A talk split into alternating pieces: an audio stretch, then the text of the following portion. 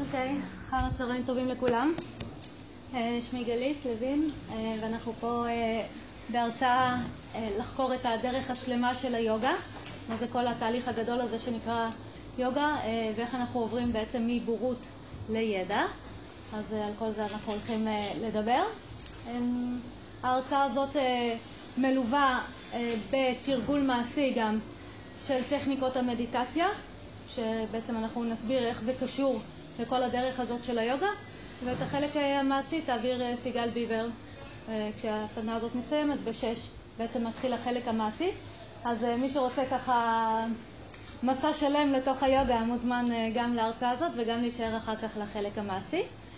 בואו נתחיל בישיבה קצרה להכין את ההכרה שלנו לקראת הלימוד. אז נשב בצורה נוחה.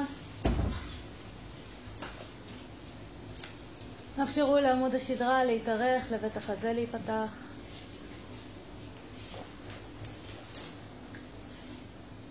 ארגנו את הראש בהמשך לעמוד השדרה.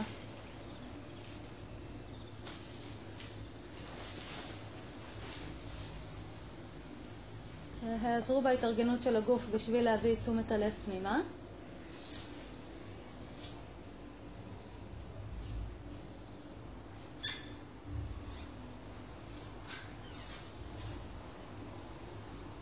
אחרי שהגוף מצא את המנח שמתאים לו, הרגישו שאתם יכולים להרפות מאמץ מהישיבה, כך שהיא הופכת להיות יציבה ונינוחה.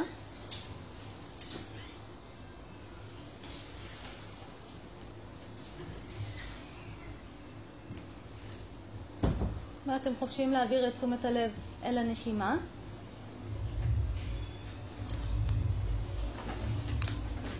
תשומת הלב על הנשימה, תתחילו לנשום בצורה מודעת, להאט ולעדן את הקצב של הנשימה.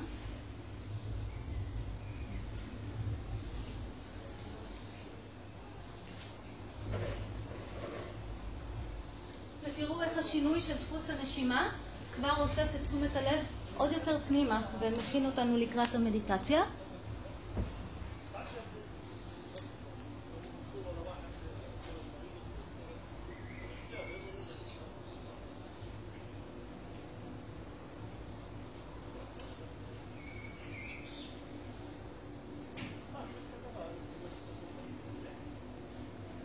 אחרי שהנשימה התייצבה, שחררו את תשומת הלב מהנשימה ויעברו לבדוק את מצב ההכרה שלכם. תנסו לראות איזה מצב רוח יש לכם.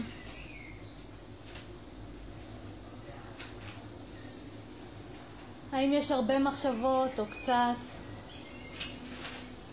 האם ההכרה מרגישה טרודה או רגועה? איזה תכנים מעסיקים אתכם?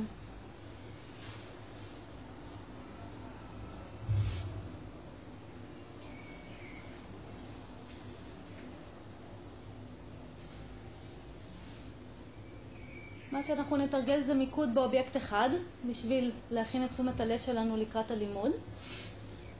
תראו שאתם יכולים לכוון את תשומת הלב למעקב אחר הנשימה הטבעית, אנחנו עכשיו לא מנסים לשנות אותה, רק יכולים לעקוב אחרי השאיפה והנשיפה. ולא משנה לי אם הנשימה ארוכה או קצרה, אם היא מרגישה מאומצת או רפויה, בכלל לא משנה. משנה רק היכולת שלנו לעקוב אחר הנשימה ולספור נשימות. ואנחנו סופרים נשימות מ-1 עד 10. אז נגיד אתם מתחילים עם שאיפה זה 1, הנשיפה שבאה אחריה 2, ואז 3 ו-4 עד שהגעתם ל-10 נשימות. הגעתם ל-10 נשימות, התחילו ספירה חדשה, וכך שוב ושוב ושוב. במקביל יכולים להמשיך להתקיים צלילים ויכולות להיות מחשבות ותחושות מהגוף. אנחנו לא צריכים להפסיק כלום, אנחנו רק צריכים אה, להמשיך לכוון את תשומת הלב לספירה של הנשימות.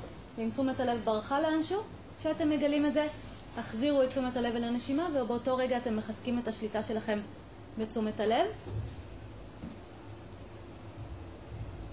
אז אנחנו נמשיך בדממה כמה רגעים.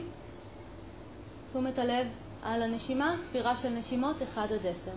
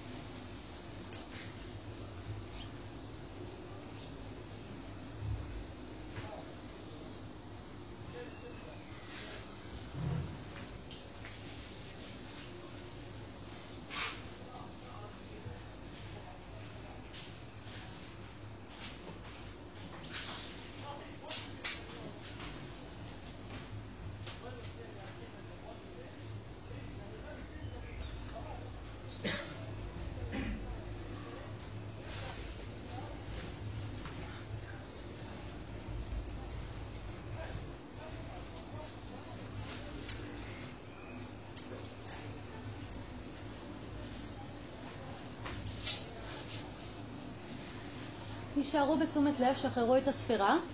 אנחנו נעשה ניסוי קטן בעיניים עצומות בשביל אה, להתחיל את ההרצאה שלנו. אז אני אשאל כל מיני שאלות ואני פשוט אבקש שתענו בלב את התשובות. בלי לחשוב יותר מדי, בלי להתפלסף על זה, פשוט אה, תענו לעצמכם את התשובות בלב, אחרי זה אנחנו נדבר על התשובות שקיבלנו. אז פשוט תהיו בהקשבה לשאלות ותענו עליהן בלב. Uh, האם אתם רוצים שההרצאה תהיה מעניינת או משעממת? האם אתם רוצים שהפסטיבל יהיה מוצלח או מעפן? כשאתם אוכלים, האם אתם רוצים שהמזון יהיה טעים או מגעיל? בלילה, האם אתם רוצים לישון טוב או שיהיו לכם נדודי שינה? האם אתם רוצים להצליח בדברים שאתם עושים או להיכשל? האם אתם רוצים ליהנות או לסבול? האם לאנשים הקרובים לכם אתם רוצים שיהיה טוב או רע? האם אתם רוצים לחיות או למות? כן? זוכרים את כל התשובות שנתתם? אוקיי, תכף נדבר על זה. קחו נשימה עמוקה. וכשתרגישו מוכנים, פיקחו עיניים. אוקיי, אז אה, שלום לכל המצטרפים המאחרים, תודה שבאתם. אז אנחנו יוצאים למסע אה, לתוך הדרך השלמה של היוגה.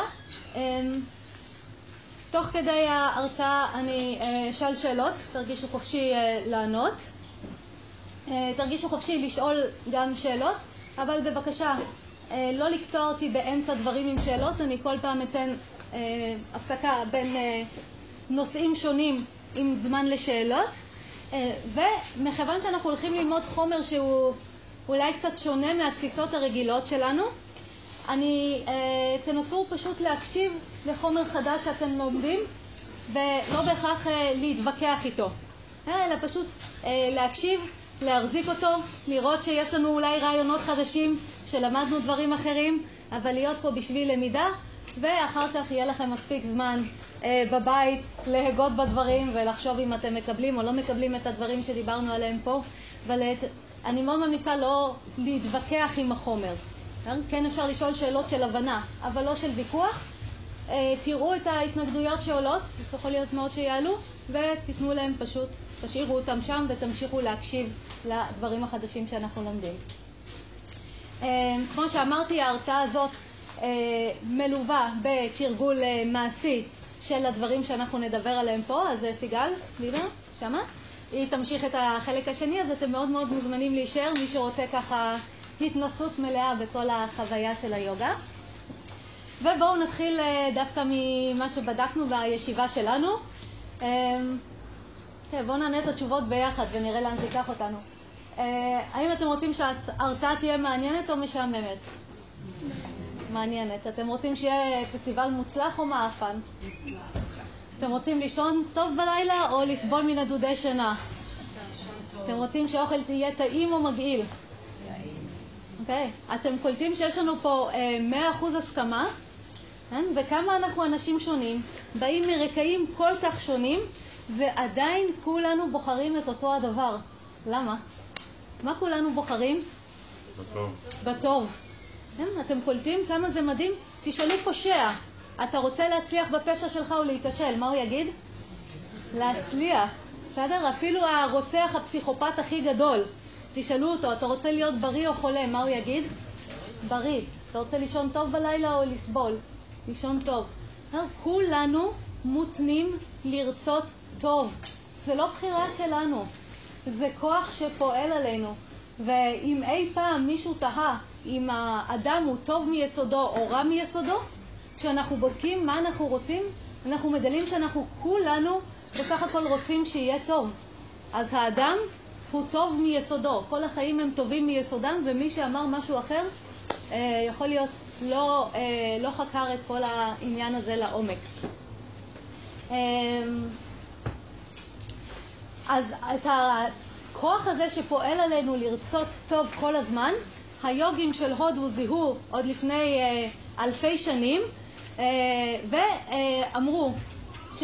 והסתכלו וראו שזה ממש מעניין שכולנו רוצים כל הזמן טוב, וכולנו כמובן לא רוצים את הצד השני שלה לסבול, ואז הם בדקו האם אנחנו מצליחים בהכרח להשיג את זה, ומה הם גילו? שלא. שלגמרי לא. אוקיי? לא. גם אם אנחנו מצליחים להשיג קצת טוב, הוא די מהר חומק מאיתנו ודי מהר הופך לסבל. ואז אה, הם התחילו לחקור את זה לעומק, והתפתחו אה, שש תורות, שש דרשנות, שכל המטרה שלהם, כל המטרה שלהם הייתה אחת ויחידה, למצוא את הדרך איך להשיג טוב ואיך להימנע מסבל.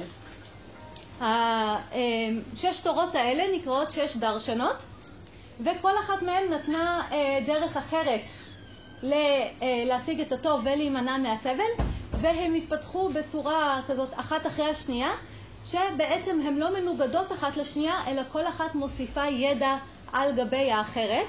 אמ, אני לא אכנס לכל התורות, אבל אה, מתוך שש הדרשנות האלה מעניינות אותנו שתיים. אחת נקראת פילוסופיית השנקיה, והשנייה נקראת יוגה. Okay, אוקיי? אז יש לנו את פילוסופיית השנקיה, ומתוך פילוסופיית השנקיה התפתחה היוגה. ואלה שתיים מתוך שש הדרשנות. אמ, ומה שקרה זה כזה דבר, פילוסופיית השנקיה אמרה אה, משהו מאוד מאוד פשוט. היא אמרה, אם יהיה לנו ידע נכון לגבי המבנה של המציאות ואיך הדברים עובדים ומה התכלית של הקיום הזה וכולי וכולי, אנחנו לא נסבול, כי יהיה לנו יהיה לנו ידע אה, שיגיד לנו בדיוק מה, איך הדברים עובדים, ולכן לא יהיה סיבה שנסבול. אה, וסבבה, הם הביאו ידע שעוד מעט אנחנו נלמד אותו, אה, אבל אז, אחרי כמה זמן, באה יוגה ואמרה, סבבה, כל הידע של השנקיה, הכל נכון, אנחנו מקבלים את כל המודל שהשנקיה מציעה, את כל התיאוריה שלה, אבל אה, רק הידע לא יספיק. חייבים לעשות טרנספורמציה אה, אה, לאדם שאנחנו, חייבים לעשות טרנספורמציה להכרה, חייבים לרכוש את הידע הזה בהתנסות ישירה. רק כידע אינטלקטואלי שקראתי, וגם אני אלמד את כל הפילוסופיה של השנקה, הם אמרו זה לא יעזור. חייבים תרגול, חייבים לעשות דרך בשביל אה, שהידע הזה באמת יעשה טרנספורמציה פנימית. ואז בעצם מה שהיוגה הוסיפה על השנקיה זה כל העניין הזה של התרגול, מה שאנחנו קוראים לו סדנה.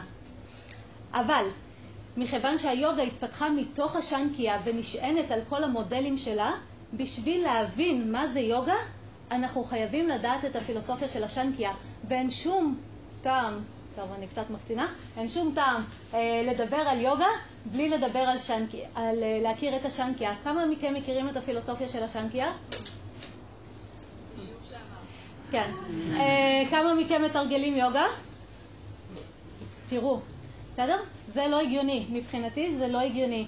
אה, אם אני רוצה באמת להבין מה אני עושה בתרגול של היוגה, אני חייבת את הבסיס של השנקיה, ומה שאנחנו הולכים לעשות פה ביחד זה קצת לדבר על השנקיה אה, כדי להבין אחר כך בעצם מה זו הדרך השלמה של היוגה. אה, ואני מתנצלת מראש, זו הרצאה קצרה, אנחנו הולכים לטעום טיפה את השנקיה, אנחנו לא הולכים להיכנס אליה לעומק, אבל רק את הרעיונות הבסיסיים. אה, ואני, כמו שאמרתי מקודם, מאוד ממליצה פשוט להקשיב למה שאנחנו אומרים ולא להתווכח, אלא לקחת את זה ככה, כי בזמן הקצר הזה אין, לי, אין לנו אפשרות אה, לחקור את זה לעומק ולהתנסות בזה בצורה ישירה. אז אתם תיקחו את זה ככה, ואחרי זה תבדקו ותראו אם זה עובד לכם לאט לאט לאורך שאר החיים שלכם, וכמה שתרצו להעמיק בלימוד. בסדר? אבל אנחנו כן נציג את, ה, נציג את התיאוריה של השנקיה בקווים כלליים, ואתם תראו עד כמה שזה ישלם לכם את התפיסה לגבי היוגה ויעזור לנו להבין מה זה הדבר הזה. שאלות, בקשות לפני שנתחיל? כל החלונות פתוחים. מזגן אני בכוונה לא מדליקה, אז אה, יש לנו הזדמנות להתנסות בסבל. זה נחמד. חברים שלא הגיעו ביקשו שנתחיל להקליט. כן, אני מקליטה. אה, מקווה שלא תיגמר לי הסוללה, כי הטלפון שלי לא קיבל הזנה היום. אבל אה, בהנחה שזה יקליט עד הסוף, אז יהיה לנו הקלטה, אחרי זה אני אשמח לשלוח לכם. אוקיי, אז בואו נתחיל. אז אמרנו, פילוסופיית השנקיה בעצם מציגה מודל של המציאות, והיא מציגה מודל של מציאות שבנוי, אה, היא אומרת, כל המציאות בנויה מ-25 פוטנציאלים. זה נקרא בסנסקריט 25 קטווס, ואנחנו נקרא להם פוטנציאלים. מה עושים עם זה? אה, אם תיגמר הבטריה אפשר להשתמש בזה. אוקיי, לא יודעת איך, אבל אתה אחראי. אה, אוקיי, אז הפילוסופיה של השנקיה מדברת, היא אומרת, כל הבריאה מורכבת מ-25 פוטנציאלים, ולפני שנתחיל לדבר על אה, הפוטנציאלים, שווה לנו לחקור רגע מה זה פוטנציאל. אז אה, בואו נשמע אתכם. מה זה פוטנציאל? אנרגיה?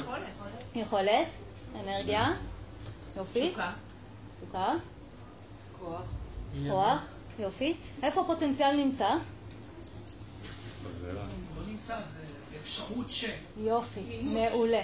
זה אפשרות של, זה משהו, זה איזשהו כוח שרוצה להתממש, אבל הוא בעצמו אין לו צורה.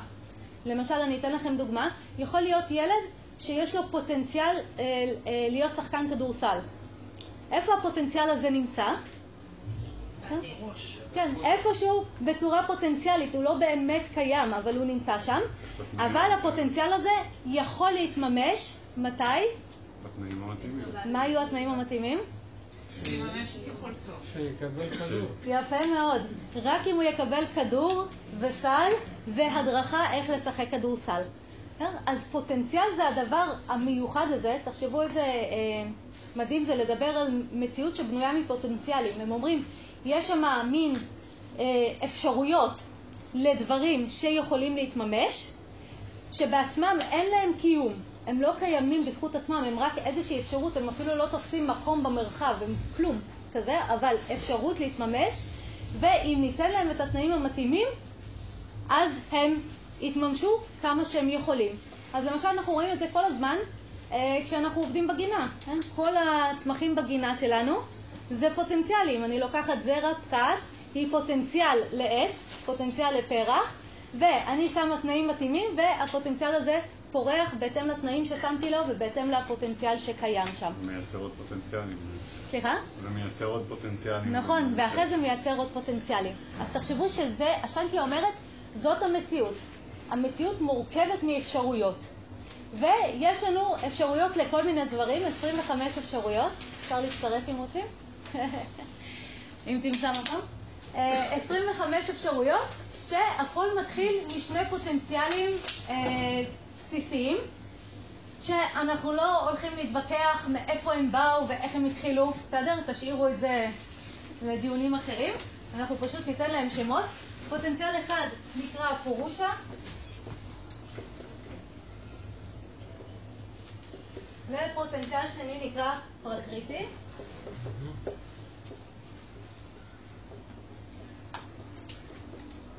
ושני הפוטנציאלים האלה, מבחינת השנקיה, הם הפוטנציאלים הבסיסיים של הבריאה, ומתוכם כל שאר הבריאה מתרחשת. בסדר, אז אל תחשבו על בריאה רק במחשבה על בן אדם או כדור הארץ, אלא כל עולם החומר, כל העולם הזה של קיום, מתחיל משני פוטנציאלים, ששני הפוטנציאלים האלה יש להם איכויות או תכונות לגמרי שונות זו מזו. הפוטנציאל הזה שנקרא פורושה, יש לו תכונה שהוא קבוע והוא בלתי משתנה והוא נצחי והוא מה שהם קוראים לו מודעות. אוקיי? הפוטנציאל השני בדיוק הפוך, אז מה יהיו התכונות שלו? זמני, זמני, משתנה. משתנה, שוב זמני, ומבחינתם זה חומר. זה הצ'יטה והצ'יט, נכון? אה, כן, זה יהיה הצ'יט, ועוד מעט אנחנו נראה את כל הצ'יטה. אז הם מדברים על שני פוטנציאלים והם אומרים, בשביל שתהיה בריאה, אנחנו צריכים את שתי הפנים האלה. מצד אחד משהו שהוא קבוע, מצד שני משהו שהוא משתנה כל הזמן, ולמעשה אם אנחנו נבדוק את זה פה בחיים שלנו, אנחנו רואים כל הזמן דוגמאות לזה. אה, למשל, בשביל שיהיה צליל, מה חייב להיות? מקור של צליל. למה? חייב להיות שקט. חייב להיות שקט. אחרת צליל לא יוכל להופיע, נכון? שימו לב, בשביל שאני אוכל לקחת את הצעד הזה, מה חייב להיות? אה? משהו קבוע. אם הרגל שלי לא פה קבועה, אם הייתי בא- באוויר, לא הייתי מצליחה לעשות את התנועה. זה בזכות זה שיש משהו קבוע שמאפשר לי לעשות תנועה. אה, בשביל שתהיה צורה, למשל הטוש הזה, מה חייב להתקיים? היד. אה? יפה, ריק, משהו שהוא חסר צורה כדי שהצורה הזאת תוכל להופיע. אז העולם הזה מראה לנו כל הזמן שהוא בעצם מורכב משתי פנים. אה, תמיד משהו שהוא גלוי ופעיל וזז ומשתנה, ומשהו שהוא קבוע, שהוא לא גלוי ו, אה, ולא משתנה. מבינים? מסכימים? אז זה הרעיון, בסדר? להגיד, בשביל שתהיה בריאה אנחנו צריכים שני פוטנציאלים, אחרת דברים לא היו מופיעים, ובין שני הפוטנציאלים האלה יש מערכת יחסים מאוד מאוד מיוחדת. הפוטנציאל הזה שנקרא פורושה, אה, אה, הפירוש של המילה פורושה הוא מאוד נחמד. הפירוש המילולי של זה, זה זה שגר בעיר. זה שגר בעיר. מה זאת העיר לפי דעתכם? יפה, כל המערכת הזאת. מבחינת היוגה, יש איזשהו משהו, פוטנציאל של מודעות, שהוא לא גלוי, אין לו צורה, לא רואים אותו, אבל הוא הדייר, או אמ, שבעצם גר בתוך העיר הזאת, שהם קוראים לה העיר של תשעת השערים. העיניים, האוזניים, האף, הפה, הנקבים התחתונים, זה העיר של תשעת השערים. והם אומרים, יש את הדבר הזה, איזושהי מודעות קבועה ובלתי משתנה, שגרה בתוך איזושהי עיר, שתכף אנחנו נראה אותה, שהתכונות שלה הן זמניות ומשתנות כל הזמן. ועכשיו שאלה בשבילכם, מה הקשר בין העיר למי שגר בתוכה? מה היה קודם? זה שגר בתוכה. ומה התכלית של העיר? למה העיר נוצרה? כדי להאכיל אותו. במילים אחרות? בשביל לשרת אותו, נכון? אם נסתכל על איך ערים נוצרו בעולם הזה, כל הערים בעולם הזה נוצרו כדי לשרת את האנשים שגרים בהם, ואם אתם תראו איך שעיר מתפתחת, היא מתפתחת יחד עם הצרכים של האנשים שגרים בה. נכון? היה צורך בכביש, היה צורך בעוד בניינים, היה צורך בחנויות, וכל הדברים האלה התפתחו. אז השנקיה אומרת לנו, אותה אה, מערכת יחסים קיימת בין שני הדברים האלה. יש משהו ששואף להתממש, והוא צריך עזרה של משהו אחר. אה, הוא צריך עזרה של איזושהי עיר, או בעצם של איזשהו חומר בשביל להתגלות, או בשביל אה, להגשים את הפוטנציאל שלו, ואז היוגה מדברת על, אפשר לקרוא לזה איחוד לכאורה, שפרקריטי, אמ, אולי שווה להגיד מילה אחת על השם, על המילה, על המילה פרקריטי. אה, פרקריטי זה מהשורש אה, של תנועה, משהו שפועל, משהו שזז כל הזמן, אה, בדיוק כמו התכונות שלה. אז הדבר הזה הקבוע, שהוא מודעות, צריך את העזרה של החומר אה, בשביל לעשות, בשביל להגשים את הפוטנציאל שלו, ואז מתפתחת כל הבריאה, שכל הבריאה הזאת זה המציאות שאנחנו מכירים. בסדר? ברור הרעיון? אז למעשה, מבחינת השנקיה, כל דבר במציאות הזאת יש לו שתי פנים. איזה שתי פנים? מצד אחד משהו, מודעות קבועה ובלתי משתנה, ומצד שני חומר שמשתנה כל הזמן, והמערכת יחסים ביניהם זה שהחומר בא לשרת את המודעות, ולכן, אה, ואז מה שקורה בעצם, כל החומר הזה מתחיל ליצור כל מיני דברים. אני אגיד את זה באופן כללי, אנחנו לא נעבור על כל המבנה, אבל באופן כללי זה מתחיל ליצור הכרה, וחושים. ומה עוד אנחנו צריכים בעולם הזה? יופי. גוף או ממש יסודות. יופי. אם נסתכל על החיים שלנו, נראה שמזה החיים שלנו מורכבים. מה יש לנו? יש לנו הכרה, הדבר החושב הזה. יש לנו חושים, שמה התפקיד שלהם? יפה, לקלוט את העולם, ויש את החומר שבתוכו אנחנו פועלים, בתוכו ההכרה נמצאת וכל הדברים האלה.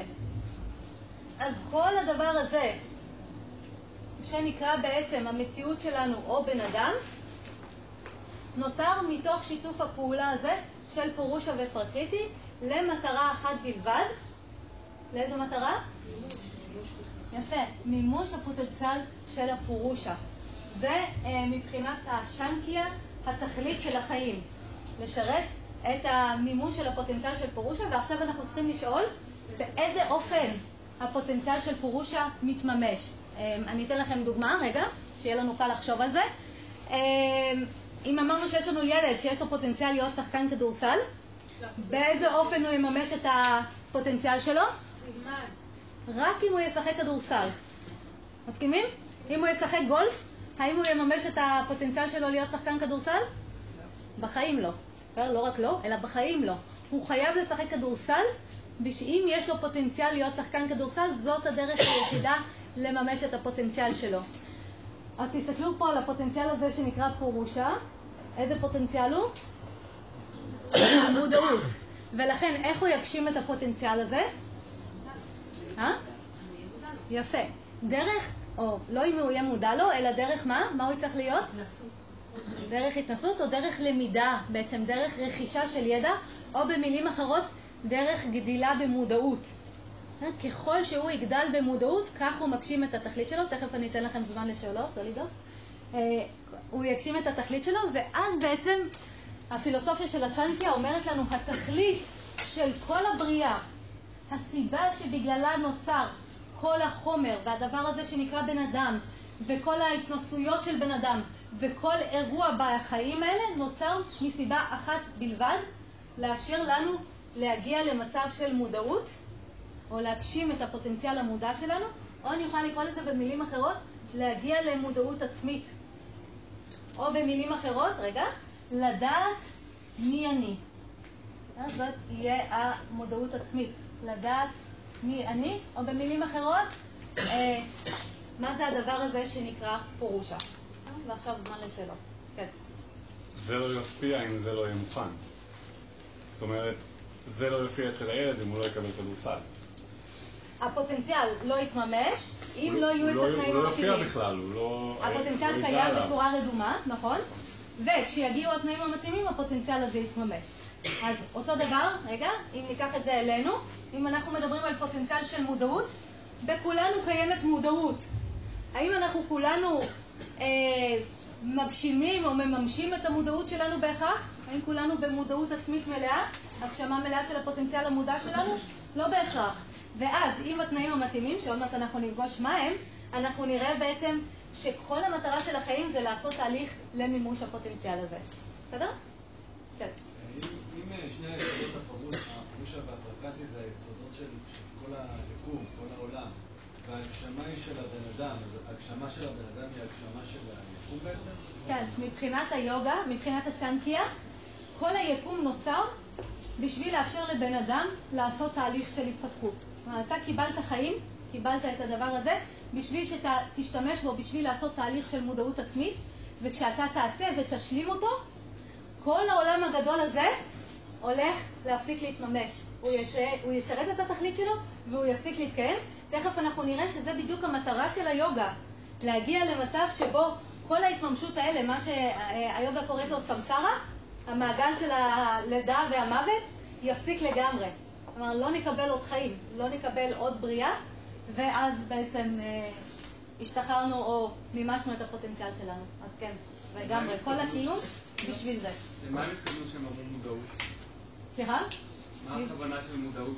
אתה יודע מה זה מודעות מערבית? מה זה מודעות ערבית? כן, המודעות זה הדבר הזה, האלמנט שהוא קבוע ובלתי משתנה, ויכול להיות ער לאלמנטים המשתנים. אה, זה אחרי זה, כשתעשו את התרגול של המדיטציה, אתם תבדקו את העניין הזה של מודעות שמסתכלת על דברים שמשתנים, ואז המקום המודע הזה יהיה קצת יותר ברור. אה, עוד מילים שאני יכולה לתת, למשל, אצלנו זה המקום הזה של המתנשא. למשל, אנחנו רואים שאנחנו צוברים המון המון, אה, מתנסים בהמון חוויות שונות לאורך החיים. החוויות כל הזמן משתנות, אבל מי שמתנסה בחוויות הוא נשאר אותו דבר. אז זה הרעיון, מודעות מתנשאת, ושוב, דבר אחד, זה בדיוק הסיבה למה היוגה התפתחה, כי דבר אחד זה להגיד מילים כמו פוטנציאל של מודעות ופוטנציאל של חומר, ודבר שני זה לעשות תרגול ולהתנסות בזה בצורה ישירה, ששם זה מה שהיוגה רוצה לקחת אותנו. כן. שני שאלות. בבקשה. אה, אם המודעות, אם בעצם העולם הוא שונים למימוש מקסימלי, אפשר לקרוא לזה של המודעות, אז החומר כבר מיותר ואין צורך שהוא יתקיים, או המציאות לצרכני הליכוד של מוות וחיים. אז גוף גם ייעלם? בהחלט. מבחינת-. כן, היוגה, יש לי גם שאלה באותו כיוון של בעצם מהי מודעות, האם המודעות היא זהה בין אותו מין, אותו גזע, אדם שלטובתו הכל אה, עומד לשירותו, מה? אה, כן, הדוגמה הכי טובה שאני יכולה לתת, אה, תדמיינו שיש בריכה של מים, יש לכם בריכה של מים, ועכשיו אה, נוצרות טיפות מתוך הבריכה הזאת. האם הטיפות הן כולם אותן טיפות?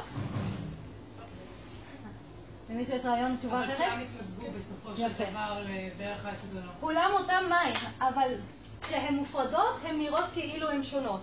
אז אותו דבר פה מבחינתנו.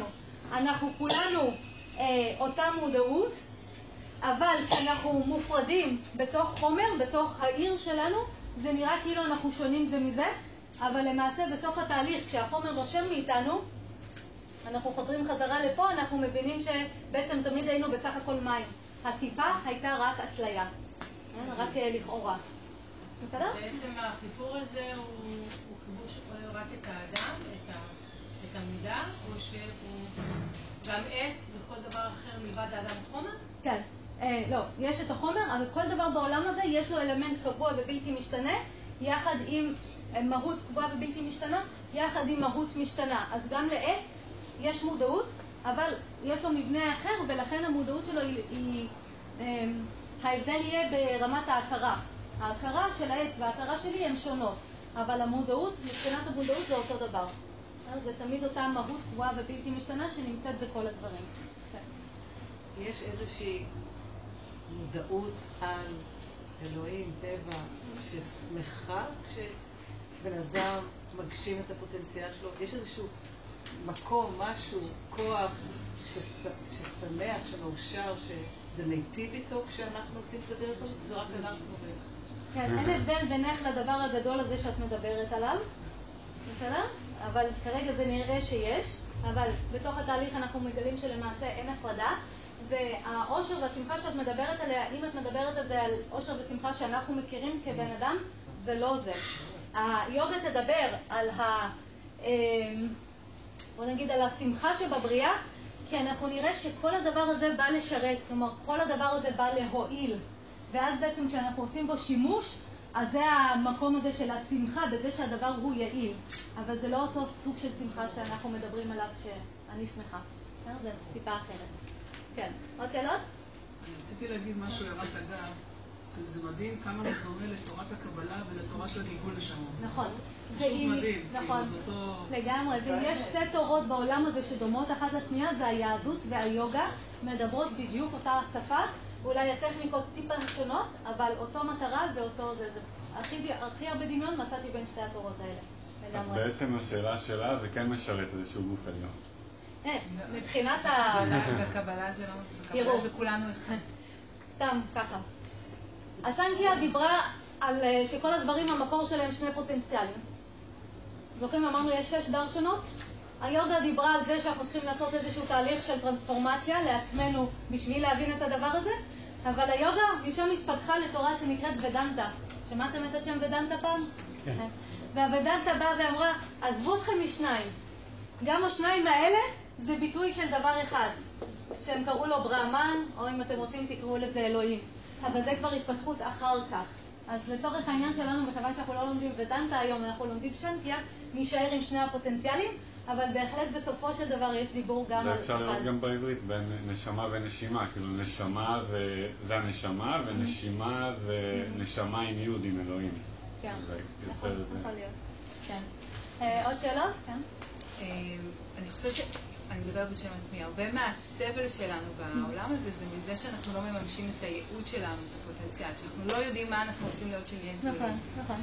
אז א', האם מה שאת אומרת שאם נעשה יוגה זה יעזור לנו להבין את זה? לא, והיא אומרת לך כבר מה תהיי כשתהיי גדולה. מה התכלית? של כולנו אותה תכלית. שמה? אבל האם, אבל מה הפוטנציאל שלי? האם הפוטנציאל שלי זה להיות מורה, מדענית אטום? לא, מה? להיות מודעת עצמית. את יכולה להיות מדענית אטום ולהיות שמחה או עצובה. להרגיש שאת מממשת את עצמך או לא. אבל אם תגדלי במודעות, מובטח שאת תרגישי שמימשת את עצמך. כלומר, התכלית של כולנו היא אותה תכלית, לגדול במודעות עצמית, לדעת מי אנחנו. כשנעשה את זה, שאר הדברים שאנחנו עושים לא ישנו. אני עדיין אעשה אנחנו אותם. זה לא חלק מהפרקטיקה, לדוגמה המקצוע? או לא. שאני נורא נורא חומרית לא. כרגע? כן. אה, בדרך לשם אנחנו עוברים דרך זה שאנחנו חושבים שאנחנו המקצוע, אנחנו חושבים שאנחנו הגוף, אנחנו חושבים כל מיני דברים, אבל כשאנחנו גדלים במודעות אנחנו מתחילים להבין שכל הדברים האלה זה רק, זה שייך לעיר, אבל למעשה אנחנו מי שגר בעיר. אז למה נתת את הדוגמה של ילד שהפוטנציאל רק שלו בשביל להיות להסביר מה זה פוטנציאל. רק בשביל להסביר מה זה פוטנציאל, לא בשביל להגיד שהפוטנציאל העמוק ביותר שלנו הוא להיות איזשהו תפקוד בחיים האלה. הפוטנציאל שלנו, של כולנו אותו דבר, לגדול במודעות. אוקיי. כן. הפירוש עושה כל הדרך מתגלגלת לבעיה נקיפה ולחזור למקום שלה, מה אני עושה את כל אהה, תכף אנחנו מגיעים לזה בדיוק. ועוד מעט תהיה החקירה שלנו. בסדר? עוד שאלות? אוקיי. אז עכשיו, שימו לב מה קורה. יש לנו פה את הדבר הזה, פוטנציאל למודעות, שצריך לדעת את עצמו. אה, תדמיינו שאתם צריכים לדעת מה זה צבע לבן. אה, מתי אתם תדעו מה זה צבע לבן? אה? יפה. שאני אראה שצבעים אחרים שונים ממנו. בסדר? אז בשביל שאני אוכל להגיד זה לבן, אני חייבת להגיד שחור, להכיר שחור ולהגיד שחור שונה מלבן. להכיר אדום ולהגיד אדום שונה מלבן. להכיר דברים ששונים ורק אז יהיה לי איזושהי זהות של מה זה לבן. אותו הרעיון השנקיה מדברת עליו. היא אומרת שבשביל שאני אדע מי אני, קודם כל אני צריכה לדעת מי אני לא. אני צריכה לדעת איזשהו קונטרה, איזשהו משהו שהוא הפוך לי. אחרי שאני אפגוש משהו שהוא שונה ממני, אחרי שאני אה, אהיה בתוך משהו שהוא שונה ממני, ואז אני אעשה תהליך של חקירה להבין שהוא לא אני, בסוף התהליך הזה, אז אני אבין מי אני כן. וזה כל הרעיון של ה... בעצם, של כל ההתפתחות הזאת, ועכשיו תראו מה שקורה פה. זה יכול לתת את ההסבר להתפתחות נובעת מסבל? כן, תכף אנחנו נראה את זה בדיוק. אז מה שקורה, הפורושה והפרקריטי הולכים עכשיו לשתף פעולה כדי שהפורושה יוכל להגשים את הפוטנציאל שלו. יפה. ופרקריטי, בזה שהיא משרתת את פורושה ומתחילה ליצור מלא מלא דברים בשבילו ולהשתנות, בעצם מגשימה את הפוטנציאל שלה, להשתנות כל הזמן. במצב הזה היא אה, כמו פוטנציאל כזה רדום, לא גלוי. אבל זה רק כשהם משתפים פעולה, הם מתחילים בעצם כל אחד מהם לממש את התכלית שלו. אז פרקריטי משרתת את פורושה, ובזה שהיא מגשימה, משרתת את פורושה, היא בעצם מגשימה את התכלית שלה, והולך להיווצר פה איזושהי השתלשלות של עניינים, שתראו, אנחנו רואים את זה בתוך חיים של בן אדם, בדיוק מה קורה. אה, אנחנו מתחילים, נולד תינוק. אה, כמה זהויות יש לו? לא, באותו רגע אין לו, בסדר? הוא מין אה, פוטנציאל כזה אה, לא מוגדר, נכון? תינוק? בוא, נלך לפני זה, ניקח עובר. אה, ניקח רק את הזרע והביצית שעברו הפריה. אה, אנחנו, אה, מה הוא יכול להיות אנחנו יודעים? אה, לא ממש, הוא יכול להיות כל דבר בשלב הזה. ואז ככל שהוא מתפתח, הדברים שהוא יכול להיות נהיים יותר ויותר מוגדרים, יותר ויותר מוגבלים, עד שבסוף נולד תינוק שלמשל יש לו מין קבוע ויש לו אה, גוף כבר שקצת מוגדר, אה, אבל עדיין יש שם הרבה הרבה השתנויות. צבע העיניים, צבע השיער, אה, עדיין אין שם אופי, אין שם זהויות, ואז ככל שאנחנו אה, גדלים בחיים, מה קורה לנו? אה? יפה, האפשרויות כביכול מצטמצמות, אנחנו נהיים יותר ויותר מוגדרים, עד שבסופו של דבר אנחנו די נהיים עצמנו ומפסיקים כל כך להשתנות, נכון? וזה לא רק שהגוף שלנו נהיה די קבוע, נהיה שם גם אופי וזהויות ודברים שאנחנו כבר מאוד מאוד מזהים את עצמנו איתם. אז מה שקורה בתהליך הזה, כשפורושה ופרקריטי בעצם מתחיל להיווצר פה, נגיד בן אדם, עם ההתנסויות של החיים שלו, הבן אדם הזה נהיה יותר ויותר מוגדר, ובאופן טבעי אנחנו מתחילים לזהות את עצמנו עם העיר הזאת שאנחנו גרים בה. מי יכול לתת לי דוגמאות איך אני מזהה את עצמי עם העיר הזאת שאני גרה בה? ציטוי, בכי, קפיצה, ריצה. כשישאלו אותך, כשישאלו אותך מי את, את תגידי, אני אישה, אני אימא, יש לי מקצוע כזה. אני יהודייה. מגדירה ומקבילה. מעולה. יש לנו כבר, הזהות שלי הופכת להיות זהות של העיר. אני אומרת אני אישה. אני אף פעם לא אגיד אני, אני גבר, או אני לא אגיד אני לא זה ולא זה, נכון? אני לא אגדיר את עצמי כמודעות, אני אגיד אני אישה, אני אגיד את השם שלי, שפעם לא היה לי שם, אבל עכשיו הוא הפך להיות הזהות שלי. אני אגיד את המקצוע שלי, אני יכולה להגיד את התכונות אופי שלי, אני יכולה להגיד המון המון דברים שמגדירים אותי. אז בעצם ככל שהחיים שלנו מתקדמים, אנחנו מתחילים לזהות את עצמנו עם דברים יותר ויותר אה, חומריים, עם דברים יותר ויותר אה, שקשורים לדבר הזה של פרקריטי, שיותר ויותר שונים מהמודעות, ואנחנו אה, בעצם הולכים ומתמצקים עד שאנחנו נהיים איזשהו משהו שמאוד מאוד מזוהה עם המערכת הזאת. וכשאני מאוד מאוד מזוהה עם ההכרה שלי, עם התכנים שלה, עם הגוף שלי, איזו חוויה מתחילה לעלות? סבל. למה סבל? לפעמים אה, גבולות. מה עוד? כן, אנחנו רוצים טוב, ולפעמים אנחנו טיפשים.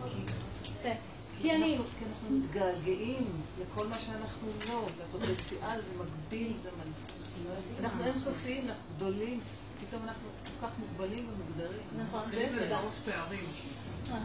כן. אנחנו נהיים מאוד מוגבלים ואנחנו מתחילים לזהות את עצמנו עם משהו שמשתנה כל הזמן. ומה, אה, תשאלו את עצמכם, האם בחיים אתם מחפשים יציבות או רעידות אדמה? אנחנו מחפשים רובנו יציבות, אנחנו מחפשים ביטחון. זאת הסיבה למה אנחנו לוקחים מקצוע אחד, בן זוג אחד, בית אחד. משעמם. כן, משעמם. אבל מושרש בנו, מתוך החינוך שלנו, לחפש משהו קבוע. אז אנחנו בעצם מגדירים את עצמנו, מכיוון שיש לנו את ה... אולי איזשהו רעיון של משהו שהוא קבוע, אבל עם משהו שכל הזמן משתנה, ואנחנו הולכים פה בתוך חוויות אה, ומגלים שבעצם למרות שאני מנסה להשיג איזושהי תחושה של טוב ושלווה ושקט, כמה פה אנשים מחפשים טוב ושלווה ושקט? אה? כולנו. ואנחנו מנסים להחזיק את זה ולהשיג את זה, ומה אנחנו מגלים? שזה חומק לנו כל הזמן. אז יצאתי מתרגול יוגה, וחמש דקות הרגשתי סבבה, ואחר כך שוב פעם עלה לי הזיכרון של מה שקרה אתמול והכל התחרבש לי. או ראיתי את הבן זוג שלי לשעבר, או אימא שלי התקשרה. אה? כל הזמן זה בורח לנו, כל הזמן זה חומק מאיתנו. אה, אז אנחנו למעשה כל הזמן מתחילים לפעול בחיים האלה, מזהים את עצמנו עם משהו שכל הזמן משתנה, אנחנו מנסים להחזיק איזשהו טוב שכל הזמן בורח לנו, ואנחנו מגלים בסופו של דבר שכל החיים האלה, לא משנה מה אנחנו עושים, מסתיימים בסבל. למשל, אפילו, אה, לא יודעת, נגיד קיבלתי קידום בעבודה, אה? ואז לכמה רגעים אני ממש ממש שמחה, ואחרי חודש, חודשיים בקידום הזה, מה אני מגלה? קצת עובד יותר קשה. כן, יפה, שיש שם מלא אחריות וזה עושה לי לא טוב, ואני לא ישנה טוב בלילה, ואני מגלה שאם, שיש בזה המון סבל, למרות שבהתחלה זה היה נראה שזה משהו טוב. ואז אה, פגשתי גבר חדש, ואנחנו חצי שנה עפים על עצמנו, ואחרי זה עוברים לגור ביחד, ומה אנחנו מגלים? שזה משעמם. וואלה, כן, זה משעמם, וזה כבר לא כזה מלהיב, ולמעשה הוא כל הזמן מעצבן, כי הוא מצקצק כשהוא אוכל, וכל מיני שטויות כאלה. אה, ואז בעצם אנחנו מגלים שלא משנה במה אנחנו מתנסים, בסופו של דבר החוויה של הסבל היא בלתי נמנעת. מסכימים? יפה. ואני בכוונה פה לא מרחיבה יותר מדי את הדיון, שגם מה שדיברנו אתמול, שבעצם יש את הניסיון הזה כל הזמן להחז... אה, להחזיק טוב או להשיג טוב, שראינו בהתחלה בניסוי הקטן שעשינו, ואנחנו מנסים, מנסים, מנסים, ובסופו אה, של דבר מגלים שאנחנו סובלים. השלב הזה, שבו אנחנו מתפתחים, אה, האם ההתפתחות שלנו מתינוקות לבגרות היא מודעת? תלוי. לא. האם הצבירה של הזהויות שלנו, של שם ומקצוע, היא מודעת? לא. לא. זה ממש, זה קורה לנו באופן לא מודע, בלי שאני אתאמץ. האם אני צריכה להשקיע מאמץ בשביל להזדהות עם השם שלי ועם המקצוע שלי? זה קורה באופן טבעי. אף אחד לא השקיע פה מאמץ בשביל לזהות את עצמו עם הגוף שלו. לא תמיד. אה? לא תמיד. לרובנו. הרבה אנשים ששינו את השם שלהם, ואז פתאום לקח להם אה, מאמץ כדי לחזור לשם המקורי שלהם, שבעצם הוא זה ש... כן, אבל בהתחלה של החיים, עד גיל מסוים, אה, ילד לא משנה את השם שלו לא, בגיל תלוי- ארבע. זה תלוי בסביבה. כן, אבל בשלב מסוים יכול להיות שמתחילה להיות לי שם איזושהי מודעות, אבל התהליך עצמו של מגיל אפס עד גיל מסוים הוא חסר מודעות, אנחנו פשוט לומדים אה, להזדהות עם המערכת הזאת, אנחנו מחפשים כל הזמן חוויות של טוב באופן לא מודע, מישהו פה באופן מודע מחפש טוב? זה נכפה עלינו, אני לא צריכה לבחור את זה, אני לא צריכה להתאמץ לזה, ואנחנו מתנסים ומתנסים בעולם, וההתנסות הזאת בעולם נקראת בוגה, התנסות לא מודעת בעולם, כשאני מנסה את כל הדברים שהמליצו לי שהם המקור של הטוב, ובסופו של דבר מגלה שאני לא מצליחה להשיג אותו, ולמעשה הכל מסתיים בסבל. אז התהליך הזה של הבוגה הוא מבחינת השנקיה ההתחלה של הדרך שכולנו עוברים דרכה. אה, התנסות לא מודעת בעולם שמסתיימת בסופו של דבר בחוויות חוזרות ונשנות של סבל. מסכימים? כן. יש לי שאלה שרציתי לשאול גם בהרצאה שלי. בבקשה. מה עם אנשים שהרבה מה, מהפעולות שהם עושים נובעים ממקום של הרס עצמי? כי אני מכירה המון כאלה. האם זה כי הם עדיין בתהליך חיפוש הלא מודע הזה? מבחינת היודע אין כזה דבר הרס עצמי, יש ידע לא נכון. אז הפעולות שלהם נובעות מהרצון שלהם לטוב, עובר דרך ידע לא נכון וגורם להם להרוס את עצמם. אז זה, זה, אבל זה אותו כוח של טוב שפועל עלינו, ואותו חוסר מודעות לגבי מי אני ומה קורה שם, ואז בעצם החוויות של הסבל. את יכולה להגדיר את הבאות? בוגה, עוד פעם, התנסות לא מודעת בעולם. זה התנסות ללא מאמץ, זה קורה לנו באופן טבעי. אנחנו מתנסים בעולם באופן טבעי, צוברים חוויות, צוברים זהויות, באופן טבעי סובלים, ובאופן טבעי מתחילים באיזשהו שלב לבקש מה? פתרון לסבל. תחשבו, כמה מאיתנו הגיעו ליוגה מתוך איזושהי חוויה של אה, סבל, או מתוך חיפוש של איזשהו שקט או משהו כזה. כמה מאיתנו? רבים מאיתנו. הגענו ליוגה בגלל איזשהו משהו שחיפשנו בשבילו פתרון.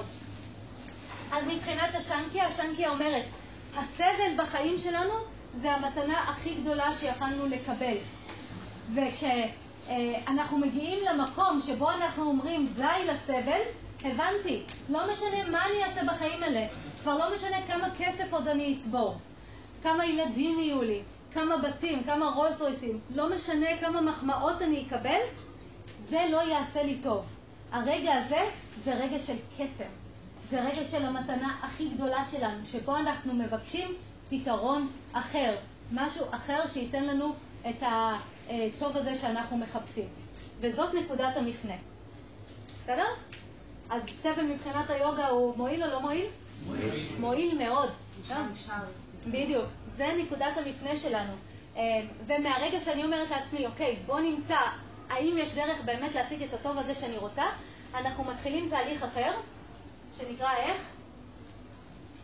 שינוי, לא, אבל... אנחנו נשים אותו בסוגריים יוגה, כי זה מתחרז עם בוגה, ותכף אנחנו נראה, אבל הוא נקרא אפה ורגה. אפה ורגה, שזה בעצם התהליך אל עבר שחרור. אנחנו הולכים להשתחרר. ועכשיו, מתוך הסתכלות על המודל הזה, ממה אנחנו הולכים להשתחרר לפי דעתכם? מהסבל. אנחנו הולכים להשתחרר מהסבל, מה עוד? יפה. לא. מהכבילה שלנו לדבר הזה. בעצם בתוך זה, כן, אנחנו כאילו כלואים בתוך איזשהו עיר, ואנחנו הולכים לעשות שחרור גם מהדבר הזה, שעוד מעט אנחנו נראה בדיוק איך הוא קורה. ברור הרעיון? אבל כל עוד אני פה בהתנסות לא מודעת, אני עדיין לא מתרגלת יוגה. היוגה מתחילה כשאני מבקשת פתרון לסבל, ועכשיו אנחנו נראה שאנחנו מתחילים לעשות פה תהליך מודע. עכשיו, השנקי אמרה כזה דבר, היא אמרה, תדעו את זה, תדעו שאתם מודעות קבועה ובלתי משתנה, תדעו שההכרה שלכם והגוף שלכם זה לא אתם, שזה כל הזמן משתנה, שאתם לא תמצאו שם משהו קבוע ואתם תפסיקו לסבול בחיים. אז הנה אתם יודעים את זה. הפסקתם לסבול? אה? רובנו לא. בסדר? רובנו נגלה שאנחנו עדיין סובלים למרות שיש לנו את הידע הזה כידע אינטלקטואלי. וזה בדיוק מה שהיוגה באה ואמרה. היא אמרה, סבבה הידע של השנקיה, הכל אמת, מאמינים לכל מילה. אבל, כן, אבל זה לדעת את זה באופן אינטלקטואלי, זה לא יעזור לי, אני צריכה לחוות בהתנסות ישירה את הטבע הזמני הזה של פרקריטי, ואת העובדה שהוא שונה ממני. ורק כשאני אדע בהתנסות ישירה את הטבע המודע שלי, אז אני אשתחרר מהסבל. אבל בשביל לעשות את זה באופן מודע, מה אנחנו חייבים? מה היוגה הולכת להציע לנו? יפה, היא הולכת להציע לנו טכניקות. איך לעשות את זה, איך לעשות, אה, אה, מה השלבים בשביל להגיע למודעות הזאת, לידע הזה שאנחנו צריכים. ברור הרעיון? שאלות? מי שנמשיך? אוקיי. ואז שימו לב, קורה הדבר המגניב הבא. מכיוון שאנחנו כולנו מדברים פה על מודעות, אה, בשביל לדעת דברים, מה שפרקריטי יצרה פה זה למעשה מכשיר לידע. אה, מכיוון שבעצם התהליך שאנחנו צריכים לעשות זה תהליך של מודעות עצמית, בעצם תהליך של רכישה של ידע, מה שפרקריטי יצרה, חוץ מעולם שלם של התנסויות, זה גם מכשיר שדרכו אני יכולה לרכוש ידע, ועכשיו אני אשאל אתכם כמה שאלות ותראו איזה מעניין זה. אמ, חלקנו מרכיבים משקפיים, בסדר? בשביל לראות טוב, נכון? האם המשקפיים הם אלה שרואות? העיניים רואות. כן. בואו נחכה אם נקפוץ להסיק מסקנות. אה, האם המשקפיים הם אלה שרואות? לא. לא. המשקפיים הם כלי שמאפשר לי, מכשיר שמאפשר לי לראות. מסכימים? לכולנו יש עיניים. האם העיניים הם אלה שרואות? לא. לא. העיניים הם מכשיר שמאפשר לי לראות. לכולנו יש מוח או הכרה. האם זה ההכרה או המוח שרואים? אה? לא, אבל אנחנו חושבים שכן. גם ההכרה והמוח הם מכשיר שמאפשר לי לראות, שמאפשר לי לתפוס, אבל הם בעצמם רק המכשיר. אבל תראו שזה כל כך ברור לנו עם אה, משקפיים. רגע, זה, אה, רגע, רגע, רגע. סליחה, רגע, שנייה. זה די ברור לנו כשאנחנו מדברים על משקפיים, נכון שזה מכשיר? למה זה ברור לנו? יפה, כי מדי פעם אני יכולה לשים את זה בצד. עם העיניים זה קצת כזה כבר נהיה, דורש טיפה בדיקה, אבל אם אני בודקת זה נהיה לי מאוד מאוד ברור שזה לא העיניים הם אלה שרואות. שזה רק מכשיר. אה, אבל את ההכרה שלי, את המוח שלי, זה כבר אה, די מאתגר לחשוב על לשים בצד. הזהות שם היא כבר הרבה יותר גדולה. אבל מבחינת היוגה, זה הידע השגוי שלנו, שאני חושבת שאני, המודעות וההכרה שפרקריטי יצרה, זה אותו הדבר. כן. שאלה פשוטה, מי אני? כי. המודעות הזאת נשמעת יותר ויותר אבסטרקטית נכון. מרגע לרגע. ובדיוק בשביל זה אמרנו שמה שהשנקי אמרה, תגידי מודעות, יהיה בסדר. והיוגה אמרה, לא, זה אבסטרקטי מדי, תנו לי דרך, שזה מה שאת מבקשת, ואנחנו עוד שנייה הולכים ללמוד את הדרך הזאת, אז לא לדאוג. בסדר? זה בדיוק, זה חייב לבוא מתוך התנסות ישירה. לה- אוקיי. יש מצב שיש את התשובה. אה, אז בואו נמשיך. אז אנחנו צריכים לעשות תהליך של רכישה של ידע. למזלנו, תראו איזה מדהים זה, כבר יש לנו מכשיר שהתפקיד שלו זה לרכוש ידע. כל המכשיר הזה, התפקיד שלו זה לרכוש ידע. אז עכשיו, אם יש לי מכשיר שבא לעשות משהו מסוים, מתי הוא יעשה את המשהו המסוים הזה בצורה טובה? שעשה אותה באופן טבעי, בלי שיתעקש, בלי שיהיה לשאול. איזשהו חומר. תהיה לו מוטיבציה. האוטו שלך צריך מוטיבציה בשביל לקחת אותך לעפולה.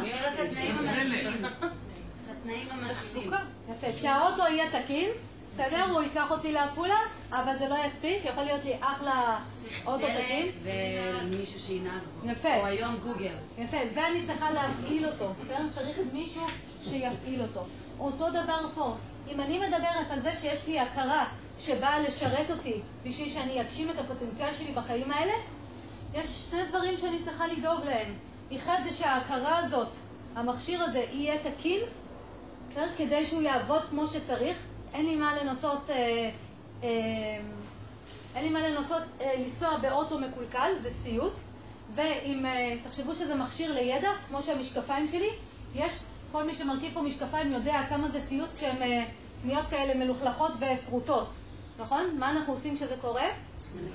מנקים אותם, ואם אי אפשר כבר לנקות מרוב שריטות, אני מחליפה את העדשות, בסדר? או מחליפה את כל המשקפיים.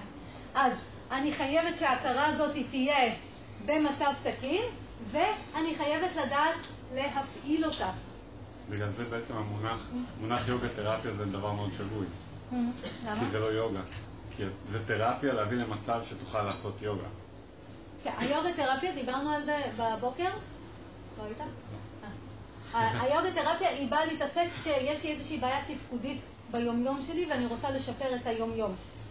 היוגה מתחילה, היוגה שונה לגמרי מהיוגה תרפיה. היוגה אומרת שאני כבר במצב טוב ואני רוצה עכשיו להגשים את הפוטנציאל שלי, מה אני צריכה לעשות.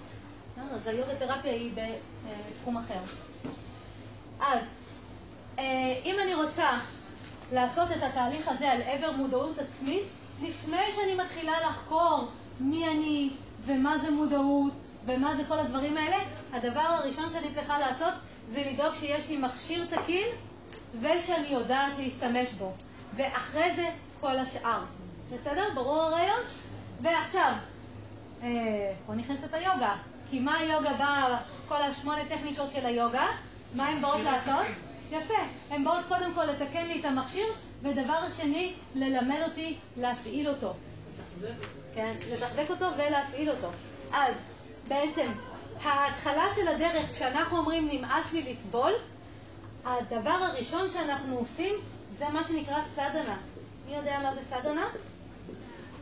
תרגול.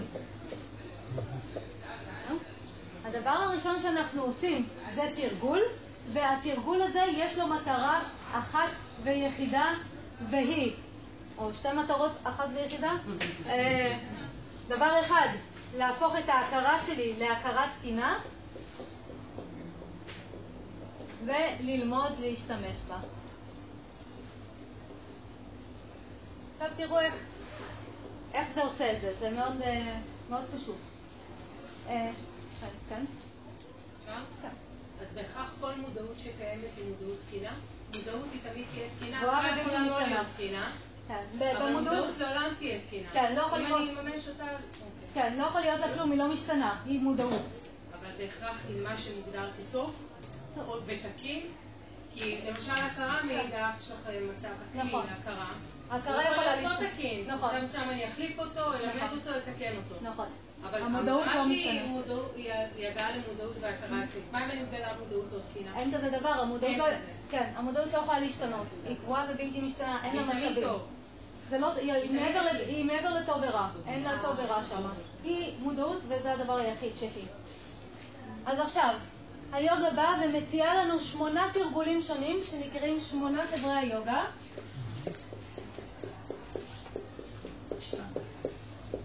נכון? בסנסקריט זה נקרא אשטנגה יוגה, לא לבלבל עם האשטנגה יוגה של פטאבי ג'ויס, אין קשר. אשטנגה יוגה, יוגה של שמונה שלבים, שכשאנחנו מתרגלים אותם באדיקות, בהתמדה, התוצר יהיה שאנחנו מסדרים את המכשיר שלנו ולומדים להשתמש בו.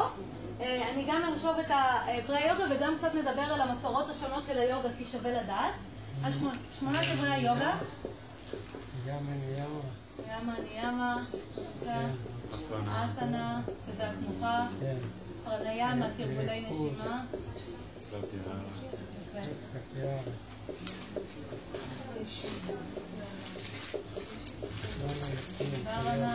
יאללה. כן, אלה שמונה תרגולים שמה שהם עושים בעצם, הם עובדים מהגס אל המעודן. הם אומרים, קודם כל בואו נסדר את הגוף, שהגוף שלנו יהיה תקין. אם אני אעבוד עם הגוף, גם ההכרה שלי תשתנה. אבל ההכרה היא מעודנת מדי, אני לא יכולה ישר להתעסק איתה. אז דרך העבודה עם הגוף אני משפיעה. גם אני משפיעה על הגוף, אבל אני גם משפיעה על ההכרה. אז הם אומרים, בואו ניקח את זה צעד הלאה. בואו נעבוד עם הנשימה, עם האנרגיה. האנרגיה היא קצת יותר מעודנת מהגוף, אבל עדיין יותר גסה מההכרה. אז נייצב את כל המערכת הפרנית שלנו, כל המערכת האנרגטית. המערכת האנרגטית תעבוד יותר טוב, ההכרה תעבוד יותר טוב. אחרי שסידרנו את זה, עכשיו שההכרה שלי עובדת קצת יותר טוב, אני יכולה להתעסק איתה, ויכולה להתחיל אה, אה, אה, גם אה, לייצב אותה וגם ללמוד להשתמש בה. דוגמה טובה שאני יכולה לתת, אה, תדמיינו שאתם מקבלים מתנה סוס פרא. בסדר? מגניב, לא? אבל אה, הסוס פרא הזה שקיבלתם מתנה, הוא אי שם בערים רץ חופשי. אבל הוא ניתן לכם במתנה ואומרים לכם, אם uh, תיקחו את הסוס הזה, הוא יהיה הדבר, החבר הכי טוב שלכם. הוא ישרת אתכם לאורך כל החיים. ואז אתם רוצים לקחת את הסוס הזה, מה הדבר הראשון שאתם תעשו? יפה, קודם כל אני צריך לתפוס אותו, ואז להתחיל תהליך של אילוף. האם אני הולכת מיד uh, לרכב עליו? לא. מה אני הולכת לעשות קודם כל? להתיידד איתו. האם אני הולכת להתיידד איתו למעלה בערים? לא. אותו. אני, להעביר אותו לאן? לאורווה. יפה. אני הולכת לשים אותו באיזשהו מקום תחום. קודם כל להגביל את התנועה שלו בצורה יזומה.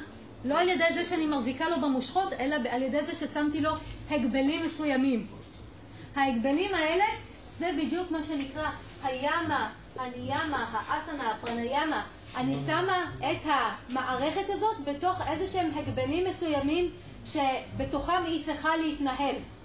למשל, כשאני שמה את עצמי בתוך תנוחה של יוגה ועכשיו אני צריכה לשהות שם, מה קורה להכרה שלי?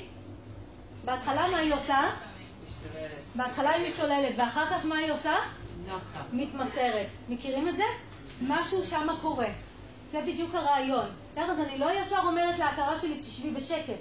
אני שמה אותה בתוך איזושהי הגבלה פיזית, ומתוך זה ששמתי אותה בתוך ההגבלה הפיזית הזאת, היא נרגעת. אותו דבר עם הנשימה. אני מתחילה תרגול פרניאמה, מה המצב של ההכרה שלי? על ההיסטור, מסתובבת. אבל אני מקפידה ומחזיקה את הנשימה הזאת לאורך זמן ולא נותנת לה לברוח, מה קורה להכרה שלי? נרגעת. מכירים את זה? אז זה כל הרעיון של כל האיברים האלה הראשונים, כולל פרטיהרה, זה להתחיל קודם כל אה, להרגיע את הסוס הזה, אבל לא על ידי זה שאני משתמשת בו, אלא על ידי זה ששמתי אותו באיזשהו מתחם מסוים, התחלתי להאכיל אותו טוב, התחלתי לטפח אותו, התחלתי לפתח איתו איזושהי מערכת יחסים. רק אחרי שהסוס נרגע והוא כבר מכיר אותי ויש בינינו מערכת יחסים טובה, אז מה אני אעשה? אה? יפה. אז אני אתחיל לרכב עליו. האם אני מתחילה לרכב עליו בערים? איפה? בתוך הכלוב עדיין. זה בדיוק כל התרגול הזה של הדרנה, הדיאנה והסמאדי. אני מתחילה להשתמש בהכרה שלי כבר ישירות, אני עובדת ישירות עם ההכרה על ידי הדבר הזה שנקרא תשומת לב, את זה אתם תפגשו עם סיגלי אחר כך, אבל על ידי הדבר הזה שנקרא תשומת לב, אני מתחילה אה, בעצם לשלוט בהכרה שלי ישירות, זה כאילו אני כבר מחזיקה במושכות. ואז לאט לאט היא לומדת להתייצב, לאט לאט היא נרגעת, עד שבסופו של דבר אני אגלה שכשאני עשיתי את כל השלבים האלה והגעתי לדבר הזה, יש לי עכשיו כלי או סוס שהוא עובד מצוין, שהוא קשור לכל הנחיה שלי, ואז האם אני הולכת להישאר איתו בתוך הגדר? לא, מה אני הולכת לעשות? לטייל בעולם. יפה. אני הולכת לקחת אותו ולצאת איתו חזרה לעולם. וזה בדיוק הרעיון של היוגה. אחרי שהצבתי, ניקיתי את הכלי הזה ופיתחתי שליטה עליו, ועכשיו יש לי הכרה שעובדת היטב והיא בידיים שלי, אני לא צריכה להמשיך לנצח בתרגול. לא שמה, לא נשארת במערה. אני לוקחת את עצמי חזרה לחיים, ובתוך החיים עכשיו יש לי אחלה כלי רכב שהולך לשרת אותי ולפעול בשביל להגיע למודעות עצמית הזאת, שעוד מעט אנחנו נדבר על זה שוב בהרחבה. אה, ברור הרעיון של האיברים האלה? כן? אז דבר אחד חשוב אני רוצה להגיד פה, הבנייה הזאת של האיברים בצורה כזאת היא לא רנדומלית. אה, בכוונה האסנה התנוחה קודמת לפרניאמה, כי לעבוד עם הגוף הרבה יותר קל מאשר לעבוד עם הנשימה. הנשימה דורשת יותר ריכוז, והנשימה קודמת לתרגול של ההכרה, כי הנשימה היא יותר גסה ויותר קל לעבוד עם הנשימה מאשר לעבוד עם ההכרה. אז כשעושים תרגול יוגה, יש לו סדר מאוד מאוד ברור. הוא מתחיל בתנוחה, מתקדם לפרניאמה ומסתיים בתרגולים של ריכוז ומדיטציה. זה לא יכול להיות הפוך. תרגול שמתחיל במדיטציה, עובר לפרניאמה ומסתיים באסנה, זה כאילו, המטרה שלו זה השליטה בגוף. אבל המטרה של היוגה זה לא שליטה בגוף, המטרה של היוגה זה לפתח את ההכרה הזאת למצב הטוב שלה ולשלוט בה. בסדר? אז תשימו לב שהתרגול האישי שלכם צריך להיות בנוי מאסנה, פרניאמה, ורק אחרי זה המדיטציות. כן. מה עם הימה והניאמה? הימה והניאמה זה גם, זה אותם הבדלים, אבל במקום לעשות את זה על המזרון, כי אני לא יכולה... אה, איך אפשר להעביר תלמיד? תלמיד מגיע אליי, דבר ראשון הוא יודע יוגה, הוא רוצה נכון, אסנה, הוא רוצה לעשות אה, כן. לגוף, אבל יש משהו שהוא... הרעיון שלהם זה שאני לא יכולה להיות 24 שעות על המזרון, ועדיין חבל לבזבז את כל ה-23 שעות שיש לי, חוץ מהשעת תרגול שאני עושה, בחוסר מודעות. כלומר, אני מנצלת גם את השעות האלה של היומיום בשביל לשים איזה שהם הגבלים להכרה. ואז יש לי את כל האיברים האלה של אי אלימות, באמת, וזה הדברים האלה, לא, אבל אני שואל איך מעבירים את זה לתלמיד. כשמגיע אה. תלמיד, הוא רוצה עכשיו, הוא מגיע, פורס מזרון, הוא רוצה נכון. לעשות האסנות. איך אני כן. נותן לו את שתי הכלים האלה? אז אתה מדבר איתו, גם נותן לו את התרגול של האסונות, וזה עושה כל יום בבית, וגם מנחה אותו בתוך היומיום איך לעבוד עם הימה והניימה, איך לתרגל אותם. שזה זמן, בסדנה אחרת אנחנו יכולים לעשות. אה, פה אין לנו זמן לעבור עליהם בדיוק איך מתרגלים אותם, אבל בהחלט כשאני מלמדת, הימה והניימה הם חלק מאוד מאוד חשוב מהתרגול, אה, ויש להם ממש אה, צעדים, 1, 2, 3, 4, איך מיישמים אותם בתוך היומיום, והם יעילים בצורה בלתי רגילה. אבל זה לסדנה אחרת. כן. בקול רם? בוא נאמר שאנחנו, מאוד קל לנו לתרגל את האסנות. אפילו את הפרניאמה ואפילו את המדיטציה, אבל דווקא בימה והניאמה, כלומר, אתה מגיע לדברים האלה שכאילו אמרתם, זה על הדרך ביום-יום, אבל זה אנחנו לא עושים. לא עושים כי המורים שלך לא לימדו אותך. זה הכל. אם הם היו מלמדים אותך כמו שהיו מלמדים אותך אסנות, היית רואה כמה זה קל לתרגל אותם וכמה זה יעיל. מה דעתך הערך של העשייה של השלוש, ארבע, חמש האלה בלי תוך דילוג על הים? חבל לדלג, כי הים וניימה זה מאוד מאוד יעיל, וזה פשוט ייקח אותך יותר מהר את הדרך אל עבר הכרה בהירה ושליטה במכשיר. תעשה אותם במקביל, תעשה אותם במקביל, ושווה למצוא מורה שילמד אותך איך לתרגל אותם. מצד שני, אני מצאתי אצל תלמידים שאסנות יוצרות משמעת עצמית, ורק דרך משמעת עצמית אפשר לקיים ים הניימה אחרי שהם יוצאים מהכיתה. לא, הימה והניימה כשהם לימדו אותנו, אמרו לנו אל תהיו אלימים. אבל יש שם צעדים ממש ממש ברורים, שזה לא לנסות לזייף אי אלימות, אלא ממש צעדים של אה, חקירה שאני עושה. כשאנחנו לומדים ממש איך לתרגל את זה, זה פשוט בדיוק כמו אסנה. זה לא מורכב, אבל אה, זה לא פשוט לא להיות אלימים. זה קצת, אה, יש שם ממש שלבים בדרך. אז צריך ללמוד את זה, בהזדמנות אחרת. עוד שאלות? אוקיי. אז עוד משהו קטן ששווה להזכיר, כי אתם כולכם ככה מתעסקים בתוך היוגה הזאת. כשאנחנו מתחילים לתרגל, כן. איך זה יכול להיות שיושבים פה עשרות אנשים, ואף אחד לא מרים את היד ל... איך זה יכול להיות? בסך הכל... מדהים. יש פה עשרות תלמידים, עשרות מורים, כאילו, ואת אומרת שזה לא... למה אין הלימה בין מה שאת אומרת, אם זה ידע כל כך ברור וכל כך מוצק, ולי לפחות כבן אדם פשוט זה נשמע כל כך אמיתי ונכון, אז למה כל המורים שיושבים כאן לא עושים את זה. לא, כי בחומסי מורים לא לימדו אותנו, זה הכל. זה אחריות של מי שלימד אותנו. אם היו מלמדים אותך את זה כמו שלימדו אותך אסנות, היית עושה את זה. לא לימדו אותך את זה, למה שתדעי שזה קיים? למה לא לימדו אותך את זה? כי המורים שלך לא למדו את זה. למה הם לא למדו את זה? כי המורים שבאו מהודו וראו את המצב של האדם המערבי, אמרו מצבו עד כדי כך בקנטים, שכל מה שמעניין אותו זה רק איך הוא נראה, אז בואו ניתן להם אשטנגה יוגה עם מכנסונים קצרים וחזיות, ושכולם יהיו מבסוטים ולפחות הם יתרגלו קצת יוגה. זה הכל. ואת רואה, איזה שיטה... תסתכלי את הביקרם יוגה, שאין שום קשר בין ביקרם ליוגה, ועדיין זה אחת מה... כביכול יוגות הכי נפוצות במערב, אבל זה בסך הכל התעמלות. אז אנחנו צריכים לגמרי להתעלם, לא להתעלם, לראות מה הגיע ולדעת שיש שם עוד צעדים, ואם יתמזל מזלנו, אנחנו בסופו של דבר נפגוש מישהו שילמד אותנו גם איך הדרך ממשיכה. בסדר? אבל כל אחד והזה שלו. אז אה, תראו כמה זה נחמד, קצת נדבר במסורות של יוגה. בהתחלה אנחנו מתחילים עם הדבר הזה שנקרא חטא יוגה. שמעתם? כן. חטא יוגה מתעסקת ב...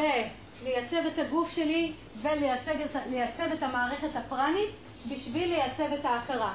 ההכרה, סוס משתולל, אני לא יכולה לגעת בה עדיין, אז אני עובדת דרך הגוף, שם כל האוסף הזה של כל התנוחות, דרך הנשימה, כל האוסף הזה של הפרניאמות, בשביל לתקן את המכשיר שלי כדי שההכרה שלי קצת תירגע. אבל אחת היוגה זה רק הכנה ליוגה שנקראת רג'ה יוגה. רג'ה יוגה, אה, אם נדבר רגע על טקסטים, זה אחת היוגה פרדיפיקה. הטקסט שמדבר על זה, והוא טקסט יחסית מאוחר, כי רק בשלב מאוחר נהיינו כאלה חסרי אונים. הרג'ה יוגה, אחת היוגה פרדיפיקה.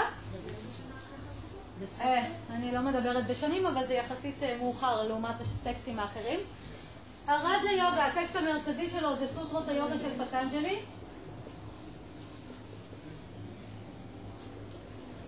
ששם בעצם פטנג'לי מציג את כל שמונת אברי היוגה האלה, אבל הוא לא מדבר על מגוון של אסונות, הוא מדבר רק על אסנה אחת. איזה אסנה? יפה, הישיבה למדיטציה. והוא לא מדבר על מלא סוגים של פרניאמות, הוא מדבר רק על סוג אחד של פרניאמה. איזה? אה, כן, השינוי של הדפוס של הנשימה הטבעית. בגלל זה קוראים לזה עצירה של הנשימה, עצירה של הנשימה הטבעית, כלומר שינוי של הדפוס כך שזה יוביל אותי לריכוז בסופו של דבר, ואז הוא מדבר על התרגולים של המדיטציה בשביל להביא את ההכרה למצב הזה. הוא גם אומר שאם אתה יכול לשבת במדיטציה, אתה לא צריך את כל זה, פשוט תדלג נכון. ישר לישיבה של המדיטציה. זה הרעיון. תשב, תייצב ותתמקד, אחרי שאתה למדת להתמקד, אחרי שאני לומדת לנהוג. האם אני צריכה להמשיך לקחת שיעורי נהיגה? לא, אני פשוט מתחילה לנהוג. אז תחשבו שכל אלה זה השיעורי נהיגה שלי, וכשהגעתי למצב הזה זה אומר שאני אה, מוכנה לנהוג ושהרכב שלי תקין. עכשיו, אה, שאלה, האם אה, זה שהרכב שלי תקין ושאני יודעת לנהוג בו זה מצב ממש ממש מיוחד וגבוה, או שזה ה basic וההתחלה של הדרך? זה ה basic וההתחלה של הדרך, זה המצב הטבעי של הדברים. אז זה שלימדו אותנו את כל השטויות האלה שסמאדי זה רק למיוחדים, זה בולשיט. סמאדי זה המצב הטבעי של ההכרה שלנו, שבו היא מכשיר שעובד טוב, וההכרה שלנו אה, בידיים שלי, בשליטה שלי, וכשאני משתמשת בה בשביל לחקור משהו, אני רואה את המשהו הזה ולא את כל הרשמים שיש לי ממנו מדברים קודמים. זאת ההתחלה של הדרך של היוגה, ובגלל זה בסוטרות היוגה של פטנג'לי, פטנג'לי לא מתחיל עם כל הטכניקות. הוא מדבר אתם בסמאדי. עכשיו בואו נראה מה קורה כשאנחנו בסמאדי, מה אנחנו עושים עם ההכרה. ורק בפרק השני הוא נזכר ואומר, אה, רגע, יש פה חבר'ה שהם לא בסמאדי, אז אה, בואו נגיד להם איך להגיע לשם, אבל הוא אומר, זה קלה קלות. הוא אומר את זה ככה, בהתאם למאמץ ככה תגיעו. תשקיעו הרבה, תגיעו מיד, תשקיעו קצת, ייקח לכם קצת יותר זמן. בעולם שלו זה היה קלה קלות, כאילו לא נהרסנו בעצם, היום אנחנו כל כך הרוסים שאנחנו צריכים לתקן את עצמנו כדי להגיע חזרה למצב של ועדיין, אל תחשוב, אם אתה תמשיך לחשוב שהדבר הזה הוא רק לגורים מיוחדים וזה, שם אנחנו נופלים כולנו, כי אנחנו בכלל לא, לא מבינים שזה המצב הרגיל. זה כמו שאני אגיד, זה שהאוטו שלי תקין ושאני יודעת לנהוג טוב, זה מצב ממש ממש מיוחד. זה לא מצב ממש מיוחד, זה המצב הרגיל שאמור להיות. אם האוטו שלי מקולקל, זה המצב מיוחד.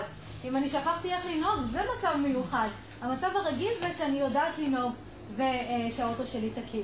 בסדר? כן. אני יכולה רק בבקשה לבקש ממך אה, לחזור על הרג'ה יוגה, זה בעצם מדיטציה? כן, התרגול המרכזי הוא מדיטציה. אה, בשביל, זה בעצם שהסוס שלי כבר רגוע, ועכשיו אני יכולה לרכב עליו. אני עדיין בתוך התחום של הגדר, אבל לפחות אני כבר יושבת על הסוס. כן. אה, אם נחזור לדימוי של האוטו, אני פשוט יודעת שגם אם אני מתרגלת מדיטציה, אם לא תרגלתי אסנות במשך שבועיים, הגוף שלי כבר הרגיש כואב וחלוק. לי כמו אולי עם הדמיה של האוטו, אז אולי כמו טיפול פעם או לשמור על בהחלט. כאילו. נכון. אז נראה לי לא לגמרי לזנוח את האסנה ברגע שלך. את צודקת לחלוטין, אבל המטרה של התרגול כבר משתנה. הסיבה שאני מתרגלת אסנות כל יום, כי אני מבינה שהגוף שלי צריך תנועה, ואם אני לא אשמור עליו, הוא יפסיק לשרת אותי בצורה טובה. אבל זה כבר לא בשביל לייצב את ההכרה. את ההכרה אני כבר יודעת לנהוג בה, והיא כבר מקשיבה לי, ואז אני תוך שנייה יכולה להיכנס בעצם למצב של מדיטציה. עכשיו, תראו עוד משהו מעניין. אם אנחנו אומרים שההכרה שלנו זה מכשיר, ויש, תראו כמה מכשירים יש מסביבנו. האם המכשירים מהונדסים בצורה כזאת שיהיה קל להשתמש בהם או קשה להשתמש בהם? תמיד הם יהיו מהונדסים בצורה הכי פשוטה לשימוש. תיקחו אפילו את החללית הכי מורכבת בעולם שנאס"א המציאה, בסדר? הכי מתוחכמת בעולם. האם היא צריכה להיות קלה לשימוש או מסובכת לשימוש? שמו קוף ושלפו אותו. אה? הם ינסו לעשות את זה הכי קל להפעלה. אז אותו דבר פה, אם אנחנו קיבלנו מכשיר שבא לשרת אותנו בחיים האלה, ללמוד להפעיל אותו ולתחזק אותו, זה צריך להיות פשוט. זה לא דבר מסובך, אחרת לא היו מהנדסים אותו בצורה כזאת. אז כשאנחנו מבינים את זה, אנחנו מבינים שהתרגול הזה של היוגה, אם אנחנו נעשה אותו, אם נתחיל לתרגל מדיטציה כל יום, כמו שסיגל עוד מעט תלמד אתכם, אתם תראו שהמכשיר שלכם מתחיל להיות תקין, ושאתם מתחילים להשתמש בו כמו שצריך. זה לא משהו שייקח שנים, זה משהו ש-24 שיעורי נהיגה ואתם עפים. ככה זה עובד. בסדר? Uh, הסיפור שלנו לא נגמר פה. אחרי שיש לי סוס ועכשיו הוא סבבה, אמרנו, אני צריכה לצאת איתו חזרה לעולם, או בעצם להשתמש בו, בשביל מה שהסוס נועד. אז עכשיו מגיע הרגע שבו אני צריכה להשתמש בהכרה שלי בשביל מה שהיא נועדה. בשביל מה ההכרה שלי נועדה? יפה. במילים אחרות, ידע. ואז אנחנו מגיעים לכל התחום הנפלא והנסתר שנקרא ניאנה יוגה. יוגה של החוכמה. אם אתם רוצים, הטקסט בדavad גיטה זה טקסט של ניאנה יוגה. הוא מדבר כבר על הידע. זה השלב שבו אני משתמשת בהכרה שלי לחקור את הטבע של הדברים. ועכשיו אם נחזור פה לפילוסופיה של השנקיה, בואו תגידו לי מה אנחנו הולכים לחקור. עצמי. מה זה עצמי? האם אני יכולה ישר לחקור את המודעות? מה אני אתחיל קודם כל לחקור? את מה שחשבתי שעד עכשיו הוא אני. אז אני מתחילה לחקור את הטבע של החומר, אני מתחילה לחקור את הטבע של ההכרה, של התחושות, של הרגשות, של אה, כל דבר שמסתובב שם, ומה אני מגלה? שזה לא אני. לא, לפני זה. כשאני רק מסתכלת על זה, איזה טבע של זה אני מגלה? לא שהכל משתנה, יופי, זה מה שאני מגלה. מישהו היה פה פעם בוויפאסנה של גואנקה? לא שהייתי, אבל אני שמעתי. אה, שמה שעושים שם בסופו של דבר זה להתחיל להסתכל על ההשתנות של המערכת, נכון? תחושות משתנות, מחשבות משתנות, זה משתנה, זה משתנה. זה בדיוק המקום הזה של ניאנה, להשתמש ביכולת שלי להסתכל, ובגלל זה תמיד מתחילים שם את התרגול. בקודם כל לייצב את ההכרה, כמה ימים של מיקוד באובייקט אחד, כמו שתלמדו תכף, ואחר כך רק להתחיל להסתכל על המערכת, ואז אני מגלה, כל תחושה כל הזמן משתנה, הגוף כל הזמן זז, הנשימה כל הזמן משתנה, ההכרה כל הזמן משתנה, פעם יש לי תחושה כזאת, פעם תחושה כזאת, פעם מחשבה כזאת, פעם מחשבה כזאת. אני מגלה שהכל משתנה. זה אה, הניינה הראשונה שלי, החוכמה הראשונה שלי. ואז מה קורה? מה הדבר הבא שאני אגלה? בכל זאת משהו קבוע. הדבר הזה שמתבונן על השני. יפה. אני אגלה שרגע, אבל יש שם איזשהו משהו מודע, שהוא זה שמאפשר לי להיות מודע לזמניות של הדברים. ו... זה בעצם, ככל שאני רואה שהדברים יותר זמניים ומשתנים, ככה אני יכולה לדעת שאני יותר מודעת. אני אתן לכם דוגמה טובה, אולי אתם מכירים את זה. אה, מכירים את זה שאנחנו הולכים, נגיד אני הולכת בטבע, אז אני רואה בעיקר תנועות גדולות, אני אראה ציפור עוברת, אני אראה, לא יודעת מה, כל מיני דברים כאלה שקורים. את העצים זזים אם יש רוח. אבל אז נגיד התיישבתי באחו, וישבתי כמה רגעים בשקט. מה קורה? שמים לב לפרטים יותר. יפה. פתאום כל הפרטים של המקום מתחילים להתגלות, ואני מתחילה לגלות שיש מלא תנועה. אני מתחילה לראות את התנועה הקטנה של הגיבולים, ופתאום את כל החרקים הקטנים, ופתאום כל העולם נפתח ואני רואה מלא מלא מלא דברים. מכירים את זה? למה אני מתחילה לראות פתאום מלא דברים? ניקוד. כי אני ישבתי בשקט. בגלל שאני נהייתי ללא תנועה, יכלתי לראות תנועה אחרת. אבל כל עוד אני בעצמי הייתי בתנועה, לא יכלתי לראות תנועות עדינות. אותו דבר התרגול מדיטציה שלנו. אנחנו מתרגלים לשבת בשקט, וככל שאני יושבת יותר בשקט, התוצר יהיה שאני אראה יותר תנועה. זה הרעיון. אז בעצם מה שאני אחווה זה לא שקט. מה שאני אחווה זה תנועה הולכת וגוברת. אבל אני אראה יותר ויותר תנועה ויותר ויותר מעודנת בגלל שאני יושבת בשקט. ואז אם עשיתי את זה מספיק זמן, אני אגלה שבעצם יש שם מקום שהוא כל הזמן מודע ולא משתנה, ואני אגלה שהמקום המודע הזה והלא משתנה הוא אני, ושההכרה הזאת היא כל הזמן משתנה, אבל אני לא משתנה יחד איתה. למשל, אה, אחת הבדיקות, אה, אחד התרגולים שאני נותנת לתלמידים, זה אני מנחה אותם ביום אה, לשים לב שתחושה חזקה עולה. למשל, פתאום עולה כעס מאוד מאוד גדול. מכירים את זה? כעסתם פעם? אז תדמיינו שעכשיו פתאום עולה כעס, ועכשיו אתם שואלים את עצמכם, האם הכעס הזה היה קודם? מה תהיה התשובה? לא, הוא עכשיו עלה. ואז אני שואלת, האם הכעס הזה יהיה אחר כך? מה תהיה התשובה? לא. בוודאות לא. מתי שהוא יעבור. ואז אני שואלת, האם אני הייתי קודם? מה התשובה? כן. אני הייתי קודם. האם אני אהיה אחר כך? כן. ואז בעצם את אותה חקירה אני מביאה לתוך היומיום ואני מגלה שאני נמצאת גם שם, גם כשהדברים משתנים. כלומר, ההכרה כל הזמן משתנה, התחושות שעד היום חשבתי שהן אני משתנות, אבל אני מגלה שאני לא משתנה, אני לא מתה כל פעם שתחושה מתחלפת, או רגש מתחלף, או מחשבה משתנה. ואז אנחנו מתחילים להכיר בעצם את הטבע המודע שלנו. אמ, אז אה, בואו רגע נסכם את זה פה. אז התהליך הזה של כל הימה והניאמה עד לשלב הזה של הרג'ה יוגה היה בעצם להביא אותי למקום שבו ההכרה שלי תקינה ומוכנה לשימוש. אחרי שההכרה שלי תקינה ומוכנה לשימוש, אני לוקחת אותה חזרה לתוך היום-יום, ואני שוב, מש... זוכרים פה את הבורא שלנו? זוכרים מה זה היה? אה, זה על אוטומט, כאילו... התנסות לא מודעת. יפה. אה, אני מתחילה שוב להתנסות בעולם, בסדר? אני חוזרת חזרה לעולם, אני לא נשארת בתוך המערה, אלא חוזרת חזרה לעולם, אבל עכשיו עם מכשיר תקין שאני יודעת להפעיל אותו, ואז אני בעצם מתחילה להתנסות, אני מתחילה התנסות מודעת. וכשאני מתחילה התנסות מודעת, מה אני אגלה? אם אני עכשיו מודעת להתנסויות שלי, מה אני אקבל? אני אגלה את הטבע של ההתנסויות. ואז אני בעצם פה מתחילה לקבל ידע. במקום סבל, התוצר הוא ידע. פעם התוצר שלי של ההתנסויות, כשזה היה לא מודע, כל הזמן חיפשתי ליהנות.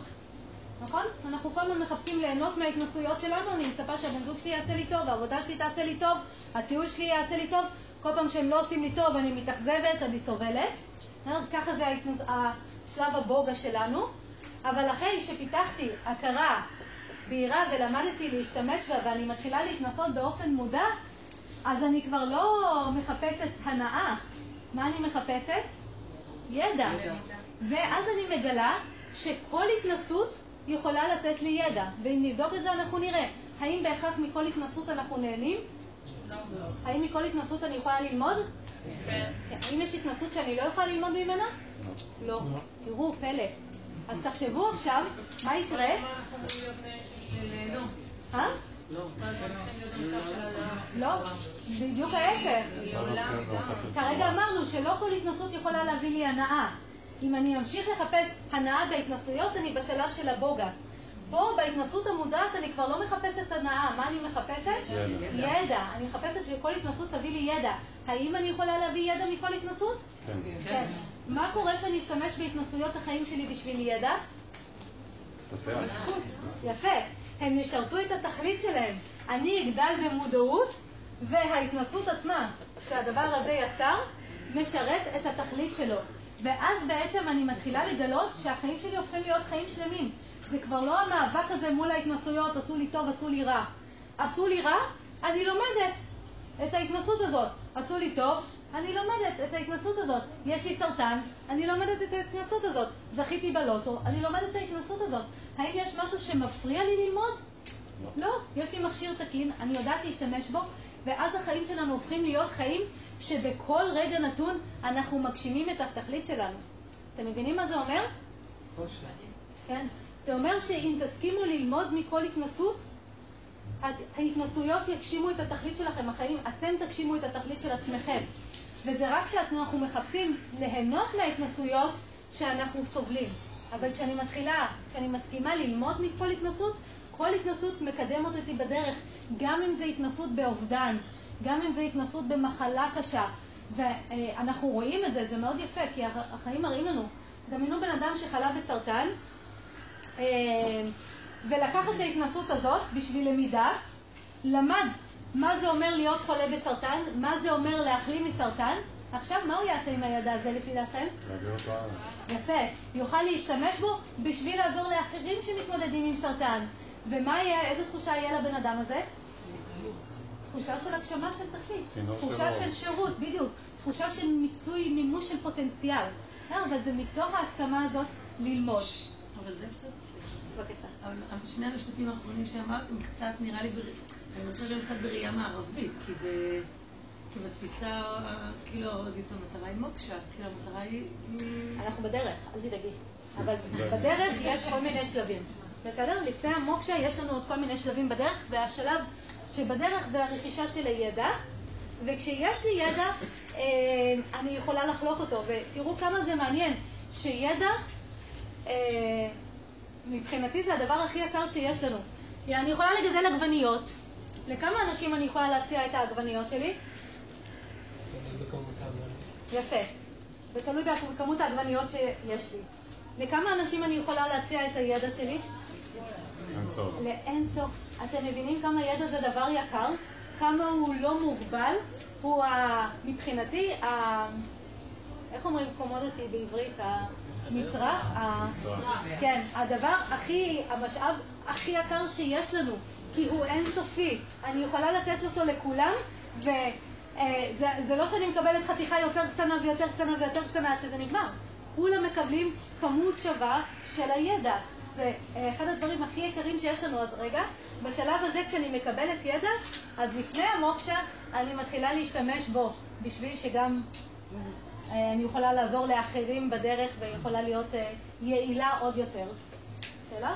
זאת אומרת, אם בודה היה נשאר לשבת מתחת לעץ אבו, בודדה היה, mm-hmm. הוא לא היה מגשים בעצם את הייעוד שלו, רק אם הוא נכון. יצא חזרה לקהילה נכון. והפך את הידע לכוח מיטיב, נכון. לכוח שממשיך, אז בעצם לא כוח הוא ידע, אלא כוח הוא ידע מיטיב. Mm-hmm. הידע, כשהוא ידע נכון, הוא תמיד יהיה ידע מיטיב. כי החיים באו להיטיב. יש לי ידע על החיים, יש לי ידע על איך להיטיב, אין שם משהו אחר. את מכירה מישהו חי? עלי, למה? שפועל ככה וחי ככה. אין לו תכלית אחרת. אבל אם כולנו יכולים לעשות את זה, נכון. וכל כך מהר אנחנו זה, נכון. למה אנחנו מכירים רק אחד כזה? סתם כי לא קיבלנו הדרכה נכונה, כי גדלנו בעולם הערבי שלימד אותנו משהו אחר. אבל אני יכולה לראות את ה... רגע. יכול להיות שיש. זה שאני לא מכירה אותם זה לא אומר, אני גם לא מכירה, לא יודעת מה. מדעני חלל, למרות שנראה לי שהם קיימים. יש. אה, כן. יש עוד. אה, ואני יכולה לראות את התהליך שלי ולראות מה קורה, אני יכולה לראות תהליך של תלמידות שלי ולראות מה קורה. ואיך הצמיחה הזאת בידע אה, משפרת את החיים, ואיך הידע הזה הופך להיות משהו שאנחנו חולקים אותו עם אנשים, אותו עם אנשים אחרים, והוא ממשיך לעזור לאנשים אחרים, והכל זה בהתפתחות, אז אני לא מנסה להגיע לשלב הסופי. מספיק לי לראות מה קורה בדרך. בסדר? זה, אבל זה קורה, אין מה לראות. נפתח, זה לא אולי. כן. יש ביוגה אה, בעצם איזה שהן נפשות שלא חוזרות כדי להעביר את הידע, כן, שהן fade away כאילו? כן, ו... אנחנו תכף מגיעים לזה. אז עכשיו שימו לב מה קורה, בואו נשלים פה את התהליך. אה, בעצם, ברגע שאני מתחילה להתנסות באופן מודע בחיים, אני מכניס... אני בשלב הזה של הניאנה יוגה. אני משתמשת בהתנסויות של החיים שלי בשביל לקבל ידע נכון. מהרגע שיש לי ידע נכון, מה לא יהיה לי? סבל. הסבל מפסיק. כי אמרנו שהסיבה שאנחנו סובלים בחיים האלה זה בגלל שאנחנו לא יודעים את הידע הזה, שאנחנו והדבר הזה שונים, אבל אני מתחילה לצבור ידע, אני מתחילה לגלות את הטבע אה, של הפרקריטי שלי, מתחילה לגלות את הטבע של הפורושי שלי, מבינה שהם שונים זה מזה, וכשאני אה, מתחילה בעצם ליישם את הידע הזה ביומיום, אני מתחילה אה, אה, לחיות את אותם חיים, אבל כבר חיים ללא סבל. בעיקרון אני יכולה להפסיק שם, להגיד אה, הגעתי לחיות חיים ללא סבל, מספיק לי. אבל מה שיקרה, קורה משהו מאוד מאוד מעניין, בשלב הזה אני מגלה שהתכלית היא לא רק לא לסבול, אלא להכחיד לחלוטין בכלל את האפשרות שוב להתנסות בעולם. כלומר, היוגה רוצה להגיע לקייבליה מלאה, למימוש שלם של הפוטנציאל הזה, לשחרור מלא מעוד לידה, מעוד התנסויות. ואז בעצם אנחנו מתחילים לחיות עוד חיים, או בעצם ממשיכים את המסע שלנו, אבל עכשיו כל המטרה שלנו זה להתבסס בטבע האמיתי שלנו, להגשים את התכלית שלנו בשלמותה, ולהגיע למצב הזה, טוב, זה תמיד נהיה בלאגן, אז תסלחו לי, שנקרא קייבליה, שזה לא רק לחיות חיים ללא סבל בעולם הזה, אלא לוודא שאני לא אקבל עוד חיים. וזה מה שהבודהיזם מדבר עליו, זה מה שהיוגה מדבר עליו, קייבליה, שחרור מוחלט. עכשיו תראו מה מגניב, כי השחרור המוחלט הזה זה לא איזשהו משהו שמתנתק בכוח. זוכרים למה כל הדבר הזה בכלל התממש? למה הוא התממש, כל הפרקריטי? למה כל המציאות הזאת התרחשה? יפה, כי היינו צריכים להגיע למודעות עצמית מלאה. אז אם בשלוב, בסוף השלב הזה הגעתי למודעות עצמית מלאה, מה יקרה לכל ההתממשויות האלה? ייעלמו, כי הדבר הגשים את תכליתו. דוגמה טובה, אה, רעב. מה התכלית של רעב? לגרום לי לאכול. מה קורה אחרי שאכלתי? מה קורה לרעב? נעלם. למה? יפה, כי אין בו צורך, הוא שירת את התכלית שלו. אותו דבר זה מה שיקרה פה. מהרגע שאני כבר השתמשתי בחיים שלי בשביל להגיע למודעות עצמית מלאה, לא יהיה צורך בכל ההתממשויות האלה, ואז היוגה מתארת את זה מאוד יפה, היא אומרת, אמ, זה ינשור כמו שמלפפון מתנתק מהצמח כשהוא בשל. זה התנתקות ללא כאב, זה לא משהו כזה, אלא התנתקות טבעית.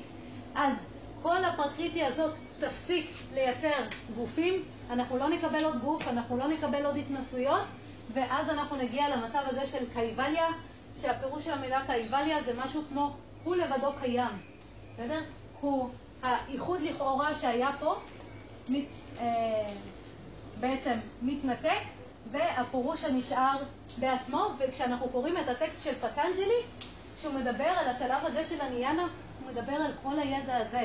אה, וזה מדהים כמה, איך הוא מדבר את זה מאוד מאוד מדויק, והוא אומר, כשהגענו להבחנה הזאת, זה נקרא ויבקה, ויבקה זה כוח ההבחנה, והידע שמגיע מתוך ההבנה נקרא ויבקה קייתי, הוא אומר דבר מאוד פשוט ויפה, הוא אומר, כשיש לי את הידע הזה, שאני שונה לחלוטין מההכרה שלי ומהגוף שלי, ואני יודעת לחלוטין מי אני, בעצם השגתי את כל הידע שדרוש בחיים האלה. אין לנו צורך בעוד ידע, ואז אה, אני כבר לא צריכה יותר מכשיר לידע, המכשיר נושר באופן טבעי, ואנחנו מגיעים למצב הזה שנקרא קלווליה, שהוא התכלית הגדולה של היוגה, ושם נגמר הסיפור. אה, ועכשיו שאלה, האם אנחנו כולנו פה, בדרך לפה? רגע, רגע, מה זה נגמר הסיפור? שם זה נגמר, אה, אוקיי, רגע, רגע, בסדר, אני אעשה לך המשך. יש שתי אפשרויות, אפשרות אחת שנשאר פה בקייבליה, אפשרות שנייה שכמו אה, פורושות, כמו הדלאי למה, בוחרות לחזור לעולם, בשביל מה? יפה, לעזור לאנשים אחרים בדרך. ואז הדלאי למה, למרות שהוא כבר ישות משוחררת לחלוטין, הוא כבר בקייבליה לגמרי, עדיין בוחר לקחת שוב צורה, כמו הבודה, לקחת שוב צורה, אבל רק מסיבה אחת בלבד, בשביל לחזור לעולם הזה ולהנחות אנשים אחרים בדרך איך להשתחרר מסבל, אבל אז כל הפעולה בעולם היא שונה, זה לא בשביל... אה, אה, להעצים את עצמו או להשיג כסף או כלום, זה לא לשום צורך אנוכי, זה רק לשירות, ואז אנחנו רואים נשמות גדולות כאלה. הדלאי למה, בודה, אימא תרזה, כל האנשים האלה שעוסקים אך ורק בפעולות של שירות למען האנושות, בשביל לצמצם את הסבל ולקחת אנשים את התהליך, ושום דבר אחר לא מעניין אותם. יש בסנקאיה איזשהו תיאור של הקוואליה? בשנקיה? כן. כן, אני לא יודעת בדיוק אם הם מתייחסים אליי במילים האלה, אבל זה לגמרי, זה בעצם, הש...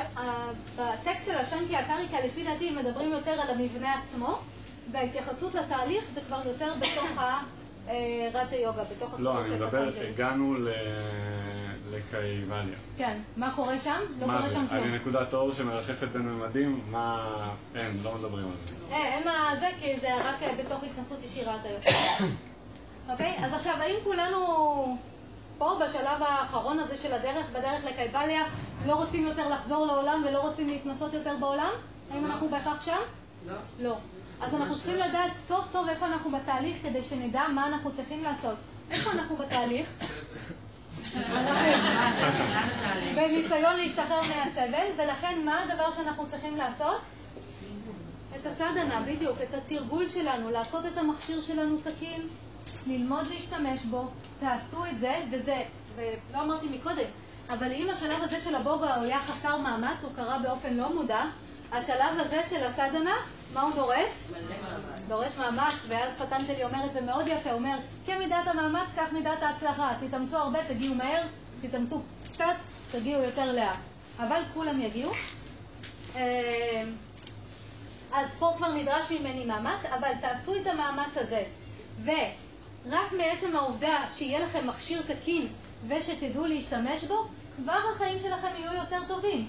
כי תדמיינו מה זה לנסוע למטולה כשיש לכם נזילת שמן באוטו. איך זה? זה סיוט. בסדר? צריך לעצור כל חמש דקות ולמלא. איך מרגיש בן אדם חולה בחיים האלה? זה סיוט.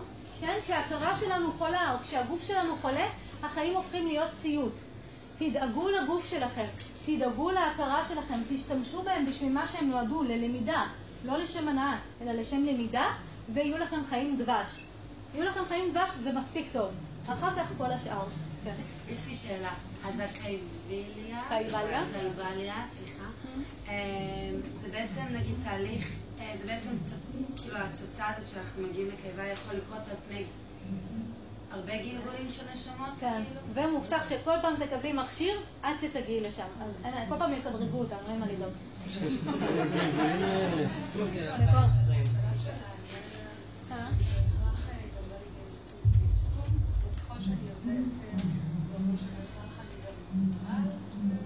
שבהכרח את?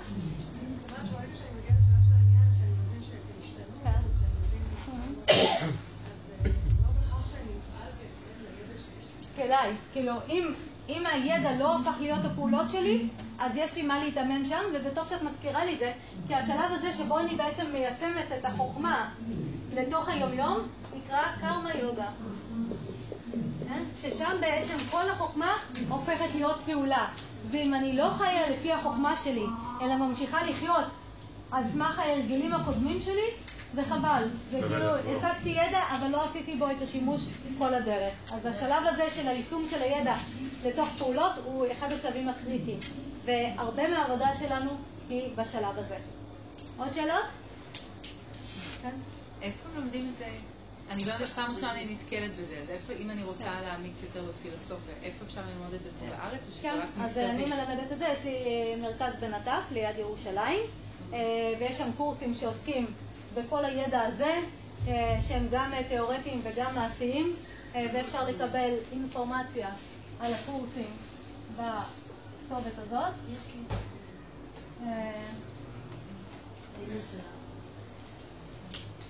ואני רוצה להגיד עוד משהו שהוא חשוב לי שתדעו. אה, יש לי עמותה שהיא בעצם אה, פועלת על סמך כל הידע הזה, שההבנה היא שהידע הזה זה ידע שנועד לכולנו. אה, כשאנחנו קונים מכונת כביסה, האם אני צריכה לשלם בנפרד על ההוראות הפעלה שלה? לא. לא, זה בא ביחד. אותו דבר, כשקיבלנו מכשיר שנקרא בן אדם, הוא היה אמור להגיע יחד עם ספר הוראות הפעלה ותחזוקה שנקרא, ושיעורי נהיגה, שנקרא יוגה. וזה שלא קיבלנו את זה, זה פשלה של החבר'ה ההם שמה. אה, אז הידע הזה שאנחנו לומדים הוא ידע שהוא זכות טבעית של כולנו, ולכן זה לא ידע שצריך להימכר במלא כסף, אלא זה ידע שאמור להיות מחולק לכולם. והעמותה שבעצם אני אה, הקמתי בדיוק פועלת על המנגנון הזה, ובעצם יצרנו אה, מערכת שמאפשרת לקבל את הידע הזה בלי עלויות מטורפות, זה בסך הכל עלויות שלמשל קורס שנתי עולה 600 שקלים לשנה, שזה בעצם תרומה לעמותה, שהעמותה תמשיך להתקיים, ובסוף כל מפגש נותנים דנה אה, למורה, אה, בשביל שהמורה יוכל גם להתקיים וכל המערכת הזאת תוכל להתקיים. אז אה, כשאתם פוגשים ידע מהסוג הזה, תראו גם שזה ידע שבאמת ניתן על סמך הידע הזה, מתוך הבנה של מה זה הידע הזה עבור כולנו, ולא משהו שמוכרים לכם מנטרות ב-5,000 דולר, כי זה לגמרי לא זה. מה שם לא העמותה? עמותת קדן, אפשר למצוא אותנו בפייסבוק. קדן? כן. מתקדם זה קיום דעת נועם, קצת שיטננדה, הטבע האמיתי שלנו, הזכות של כולנו להתנהל בצורה כזאת. כשאנחנו מגיעים להכרת תקינה וידע נכון, אנחנו בקצת שיטננדה, קיום דעת ונועם. עוד שאלה? אה? אה, אוקיי, אז אה, רק נסכם רגע. אז בעצם מה שאנחנו יכולים להבין מזה שהחיים שלנו, אם אנחנו מתחילים להשתמש בהם, קודם כל בשביל לתקן את המכשיר שלנו, וללמוד להשתמש בו, ואחרי זה בשביל לרכוש ידע, ללמוד מתוך התנסות, החיים שלנו הופכים להיות חיים שבהם אנחנו מגשימים את התכלית שלנו. אמ, אז תתחילו לחשוב על זה בצורה כזאת, ותראו מתי בחיים אתם מחפשים הנאה ומתי אתם מחפשים ידע. אבל בשביל לרכוש ידע אני צריכה לדעת שהמכשיר הזה יהיה תקין ואני צריכה לדעת להשתמש בו, ואז בעצם המפגש הבא עם סיגל, שמתחיל בשש, ילמד אתכם בדיוק את זה. איך להשתמש במכשיר, אה, איך להשתמש בו בשביל לרכוש ידע, על ידי המקום הזה של אה, אה, לפתח שליטה על תשומת הלב, ואיך להשתמש בחקירה בשביל להתחיל להסתכל על הטבע של ההכרה, אז שווה להישאר למפגש הבא, לקבל קצת טכניקות, ומי שירצה ללמוד לעומק, אז יש מגוון קורסים, גם בנת"ח וגם קורסים אינטרנטיים, שמלמדים את הטקסט של סוטרות היוגה של פטנג'לי, אתם לא צריכים לצאת מהבית, יכולים ללמוד את זה באינטרנט, גם את הבהגווד גיטה, אה, גם יש סדנות בכל מיני מקומות בעולם, אז אה, מוזמנים בשמחה. יש ריטריטים בישראל. יש ריטריטים, נכון, של אה, גם סדנאות וגם ריטריטים של שתיקה, של יוגה ויפאסנה, כל מיני דברים. ופרסמים את זה בעמותת קדן? כן, עמותת קדן, או לשלוח מייל ותצטרפו לרשימת התפוצה ותוכלו לקבל את כל המידע. משנה מבחינת היוגה איזה סוג... מדיטציה, אם זה נגיד טרנסצנדנטלית או... היוגה היא מדברת על שלושה סוגי מדיטציה, מיקוד באובייקט אחד, מיינדפולנס וחקירה אנליטית. וכשאני עושה את שלושתם, לומדת את שלושם, אה, בסופו של דבר זה מביא לי ידע, את הידע שאני צריכה. אוקיי. אה, אוקיי, אה, אז אין עוד שאלות בואו נסיים בהודיה. אז שנייה רגע אחד עוד נתרכז ונביא תשומת לב פנימה. חבר'ה, עוד רגע. בואו אה, נשלוט במכשיר שלנו, בסוס שלנו. נביא רגע את תשומת הלב פנימה, נביא כפות ידיים אל בית החזה, נרכין סנטר. נודה על הזכות שניתנה לנו ללמוד אה, יוגה בחיים האלה. אני מקווה שעכשיו אתם מבינים קצת יותר מה המשמעות של אה, יוגה בחיים שלנו. ואת התוצאות של כל מה שלמדנו פה אנחנו לא נשמור רק לעצמנו, אלא נחוק ונקדיש לטובת כל הברואים, שכולנו נזכה להגשים את התכלית שלנו, ושיהיה לנו המשך פסטיבל נעים ושבת שלום. תודה רבה.